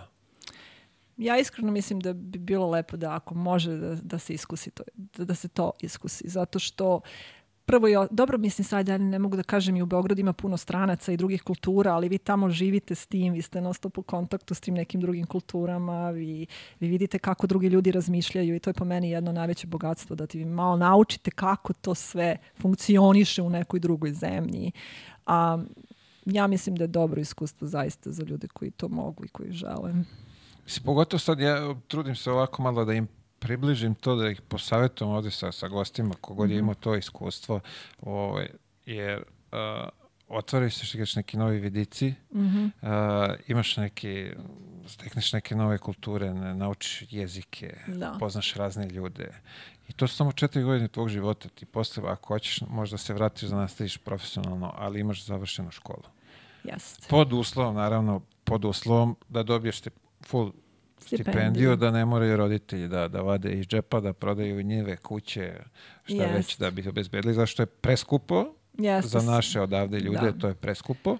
Da. Ali ako ima prilike da, da dobiju stipendije, Yes. treba iskoristiti. Ja sam čula su sad neke cifre po, bože, ono pola miliona, četiri godine, mislim, ne znam. Ja, pazi sad, imaš i ovaj uh, nil deal. Sad ti plaćaju da, da ideš na koleđ. To je sad krenulo od prošle godine. Ha, I to plaćaju lepo. Pa dobro. Ovdje to nisam sad- znala. Da, prošle, prošle godine, da, krenulo je sa tim. Znaš da je ono pre uvek bilo podmićivanje da davali Da, ispod da, da. žita, sad da se kao ne bi to, sad ih plaćaju. Ali, a, ko, je, ko je ovde, neko je gostovao, da ima neki naš dečko odavde da je otišao i da ono 150.000 koleč ti daje da, da igraš. Da, Plus, da. tipe, plus godine školovanja i sve. Pa Što je, ima. To je ozbiljan ugovor. To, Pa jest. Ovde Euroliga, mo, bukvalno Euroligaški ugovor. Hm. Za dete od koliko to, 16-17 godina. To je super. Veoma Mislim, nisam znala za to, jel? Tamo su uvijek bile stipendije. ajde Tako je, da, ali sad je, da, da bi izbjegli to ispod žita, davanje da, da. love i svega, Super. našli su to solomonsko rješenje. Pa ima o, Lebronov sin, ako sam ja dobro razumeo, 8 miliona. Pa eto. Ma da, pa ne može, ali ja opet kažem, ajde sad, ne mogu kažem da je škola sve. Jer pazi, ja kad sam radila za NBA, pola ljudi tamo nije bilo školu u medijama ili bilo kog tog tipa komunikacije, ništa. To su ljudi koji su završavali istoriju, umetnost, neku, mislim, ne znam koliko je ta škola uopšte vredna kad pogledate ono na kraju krajeva, ali, ali treba imati jer, ne znam, nekako u ovom svetu sve se menja, ali ipak treba imati tu školu jer i ako možete se baviti košarkom i da završite školu, po meni to je ono je. win-win. Ono, Mi, jedno mislim, drugo. bar pokušamo odavde Da. koliko toliko da iskrenemo pažnju na, na da. to. Bitno je, Može bitno je. da bude i Lako je. povreda i karijera brzo se Jest, završi, ali jest. opet posle da ne bude Jest. šta sam Jest. radio sve ove godine kad ovaj, ne znam šta ću dalje. Upravo to. Tako da, uh, ajde ovako. Treba mi uh, tvoj savjet za, za mladi naraštaj. Za mlade narešte, uh, ne znam, manje Twittera, manje social media. A ne može bez toga. Šalim se. Um, ja mislim da je od današnje vreme sa toliko tih informacija koje dolaze na sve strane, jednostavno možda, možda klinci imaju malo teže vreme da se pronađu u nečemu. Na sve strane ono informacije, može ovo, može ono, može ovo, može. I onda je jednostavno teško je pronaći se tu negde. Znaš, mi smo uvek, ja kad sam igrala uvek bilo kao sport, muzika, nešto, sam se usmerila na nešto. Sad ne znam koliko klinci imaju vremena u stvari da se uzmere na neke stvari. Ja bi samo rekla da ne veruju toliko tome svemu što vide na tim Twitterima i na tim medijama, jer nije sve tako istina i nije sve tako tačno i, i naravno da ono što sam rekla i ranije, uvek postoji neki cilj. Ako vole taj sport, nek se usme- uspere- usmere na sport i u tom sportu može neki biznis da izađe da ne mora da bude da igraju košarku. Tako je. Mogu da budu, eto, na primjer kao što sam ja radila da rade nekoj produkciji, da, da budu neki novinari, da se bave, ne znam, menadžeri. Ne, znači, sport je velika grana, nije to samo e, košarkaš ili, znaš, ono, Tako igraš. može usko, da. Ima mnogo, mnogo tu mogućnosti, a u krajnjem slučaju i da nema mogućnosti u sportu, vi to što naučite u sportu da budete onaj kao timski igrač, da znate sa drugima, ta vrlina će vam značiti gde god odete, koji god drugi biznis krenete da radite u budućnosti, tako da Apsolutno, slažem se to se sve ceni. Prosto bi bili iznenađeni, znaš ono je kaže pa vi si kao studirala grafički dizajn pa sad ne radiš grafički dizajn, ali nije sve, znači ja sam prosto, ja kad sam krenula da radim za ministarstvo zdravlja, to je bilo kao što ću ja ovde da radim? ja nemam veze sa zdravljem, ja nisam doktor, nisam epidemiolog, ali vi onda vidite kako se u stvari vaše veštine prilagođavaju i kako vi nalazite te veštine i u tom oceku gde u stvari, jer ti doktori i naučnici, oni ne znaju oni toliko da upakuju neke stvari, da, da naprave, da dizajniraju i onda vi se tu pronađete i uspete da, znači, znači u svakoj grani, u svakoj, u svaku, na svakom poslu možete da nađete tu vašu neku vrlinu koju imate. Samo treba da se uklopite, to je Tako to, je, mislim, lepo nema rečeno. tu, da. Lepo rečeno. Uh, da. Poslednje pitanje za tebe.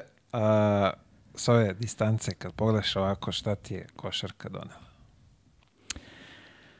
Uh, košarka mi je donela um, pa totalno drugo životno iskustvo. I uvek sebe zamišljam šta bi bilo da nisam otišla, šta bi bilo da nisam krenula na rođendan kod te drugarice, šta bi bilo da sam ostala ovde. Ja mislim da bi bila učiteljica, da bi radila u nekoj školi, da se verovatno nikad ne bi bavila, možda bi bila na olimpijadi u Grčkoj. Da, ajde, Um, ali opet s druge strane dovelo, donela mi je jedno totalno drugačije životno iskustvo. Um, donela mi je znači toliko ljudi koje sam upoznala i koje sam videla kroz tu košarku, to je bilo stvarno fenomenalno. Ja sam stvarno košarci zahvalna, prvenstveno i moje visini i košarci što sam eto nešto videla kao na nekom eto nivou kakav god da je taj nivo košarkaški. Um, zaista sam zahvalna i ne mogu da kažem. Iako nisam imala neki afinitet prema košarci, opet sam nekako s tom košarkom negde, ono, ajde da tako kažem, dogurala u nekom ruku. I nastavljam nju da igram, nije da je ne volim. Igraš i dalje? Pa igram, da, imam, ovaj, bavim se malo odbojkom, malo košarkom. Više Ima. odbojkom nego košarkom, zato što je malo laganija, pošto verovali ne, Toronto ima jako razvijen taj beach volleyball, znači oni se lože na to neverovatno. I postoji tamo to jezero njihovo veliko gde se svi skupljaju i igraju ali, košarku na, na plaži. To je jako Ali popularno. dobro, to možeš sačekaš leto zato što je Jeste, tokom da. To se, igra, to se igra od maja do, na primjer, oktobra. Taj period. Igra se i kad je onako malo svežije. A Zimi, A zimi se ne igra, ide indoor, da, da, da. A košarka imate razne ovaj, organizacije koje ja nekad se uključim pa malo džuskam sa strane, ono čisto da ne zaboravim kako da šutnem loptu. pa, da. Ali da kucam ne mogu. ja sam, ja sam prešao na, ne znam da li ima tamo padel. Padel, Da. nisam sigurna, ne To znam. je nešto između tenisa i skvoša. Da, da, da. Verovatno da ima, ali to je isto da, interesantno. 100% ima. Kod nas je tek sad Svaka stiglo. vrsta sporta je dobra. Tako je, sve da, rekreacija za nas, rekreativce, Jest. vrhunski sport. Tu si Za u malom prostoru. da. Tako je, ne trčiš mnogo, Da, što je trčiš. veoma bitno. Tu si u malom prostoru, teo da se Jest. snađeš i, i ovaj, Jest. savršena rekreacija. Uh, vidi ovako, imam još jednu stvarčicu od tebe. Ova loptica treba da se potpiše. Wow, da li je Idemo. moguće da imam tu čast? Imaš Jesi čast. ti siguran za to? Da, samo treba da ja. nađeš mesta ovde. O, Skupljamo Može, potpise. evo, u moj jednom potpis momentu Dungy, ćemo Dungy Bungy. Tako su me zvali. U jednom momentu ćemo neko staviti na aukciju, a od tih ovaj, sredstava ćemo donirati Hvala. koje budemo ovaj, dobili. Evo, može. Bravo. A ovdje imamo sad od uh, gospode Matijaševića tri doline. Hvala Matijašević. Tako je. Da Super. rasladiš dok si ovdje, da iskoristiš. Evo, Da, za gledoce. Matijašević. Pa, I da javiš ovaj, da, Da javim. javiš a, utiske. Hoću. Inače, baš sam je ovaj, sad, sad mi je popularno ovo da probam vina, baš volim naša vina i sad sam u tom fazonu da kupujem i da gledam. E, ne znam da li izvoze za, za, ovaj, za, za Kanadu, Kanadu? da, ali ja možda otvoriš posle ako nemaju tamo od Pa distribuciju. boga mi, da... evo, tu smo, LCBO radi tamo, imaju samo ovo crnogorsko vino. Ovo. E, evo ja mislim vidiš. da sam samo crnogorsko videla vranac, ali nisam videla ni jedno naše vino, tako da, da, uvek postoji. Eto ga, bravo. Šta ti ovo, ja, Uvek postoje čoveče. opportunities, samo treba da se mi vide. Da. ovdje pravimo, spajamo ljude. Ja, Mile podcast da, spaja da. ljude, to je veoma Mile jedno, podcast, da, to moram car, da, da promenimo ovaj naziv, spajanje ljudi. Uh, još jednom, veliko ti hvala na izvojenom Nema vremenu. na čemu. Želim ti lepo, ovaj, što bi se reklo, ugođaj ovdje u, u rodnom Hvala. gradu. Se lepo provedeš, napuniš baterije i da se vratiš u U nove radne pobede. nove radne pobjede. Nikad se ne zna šta je sledeće. Jer Kanada je jedna prelijepa zemlja. Samo pa, ta grtalica samo malo, Grtalica, dobro. tako je. Ovaj, da, nema, ja kažem, uvek postoje mogućnosti, samo ih treba naći. Tako to je. je to. Mogućnosti su sad otvorimo ovo vino. nas. e, to je za kući, da. Imamo ovdje, otvorit ćemo drugo da, da, ovaj, da isprobamo. A, Zezanje. još jednom, veliko hvala. Želim ti svu sreću. A, hvala i vama, dragi gledalci, prijatelji, rodbina, familija. A, ostanite uz Ja Mile Podcast kanal. Vidimo se već sljedeće srede. Svako dobro i pozdrav.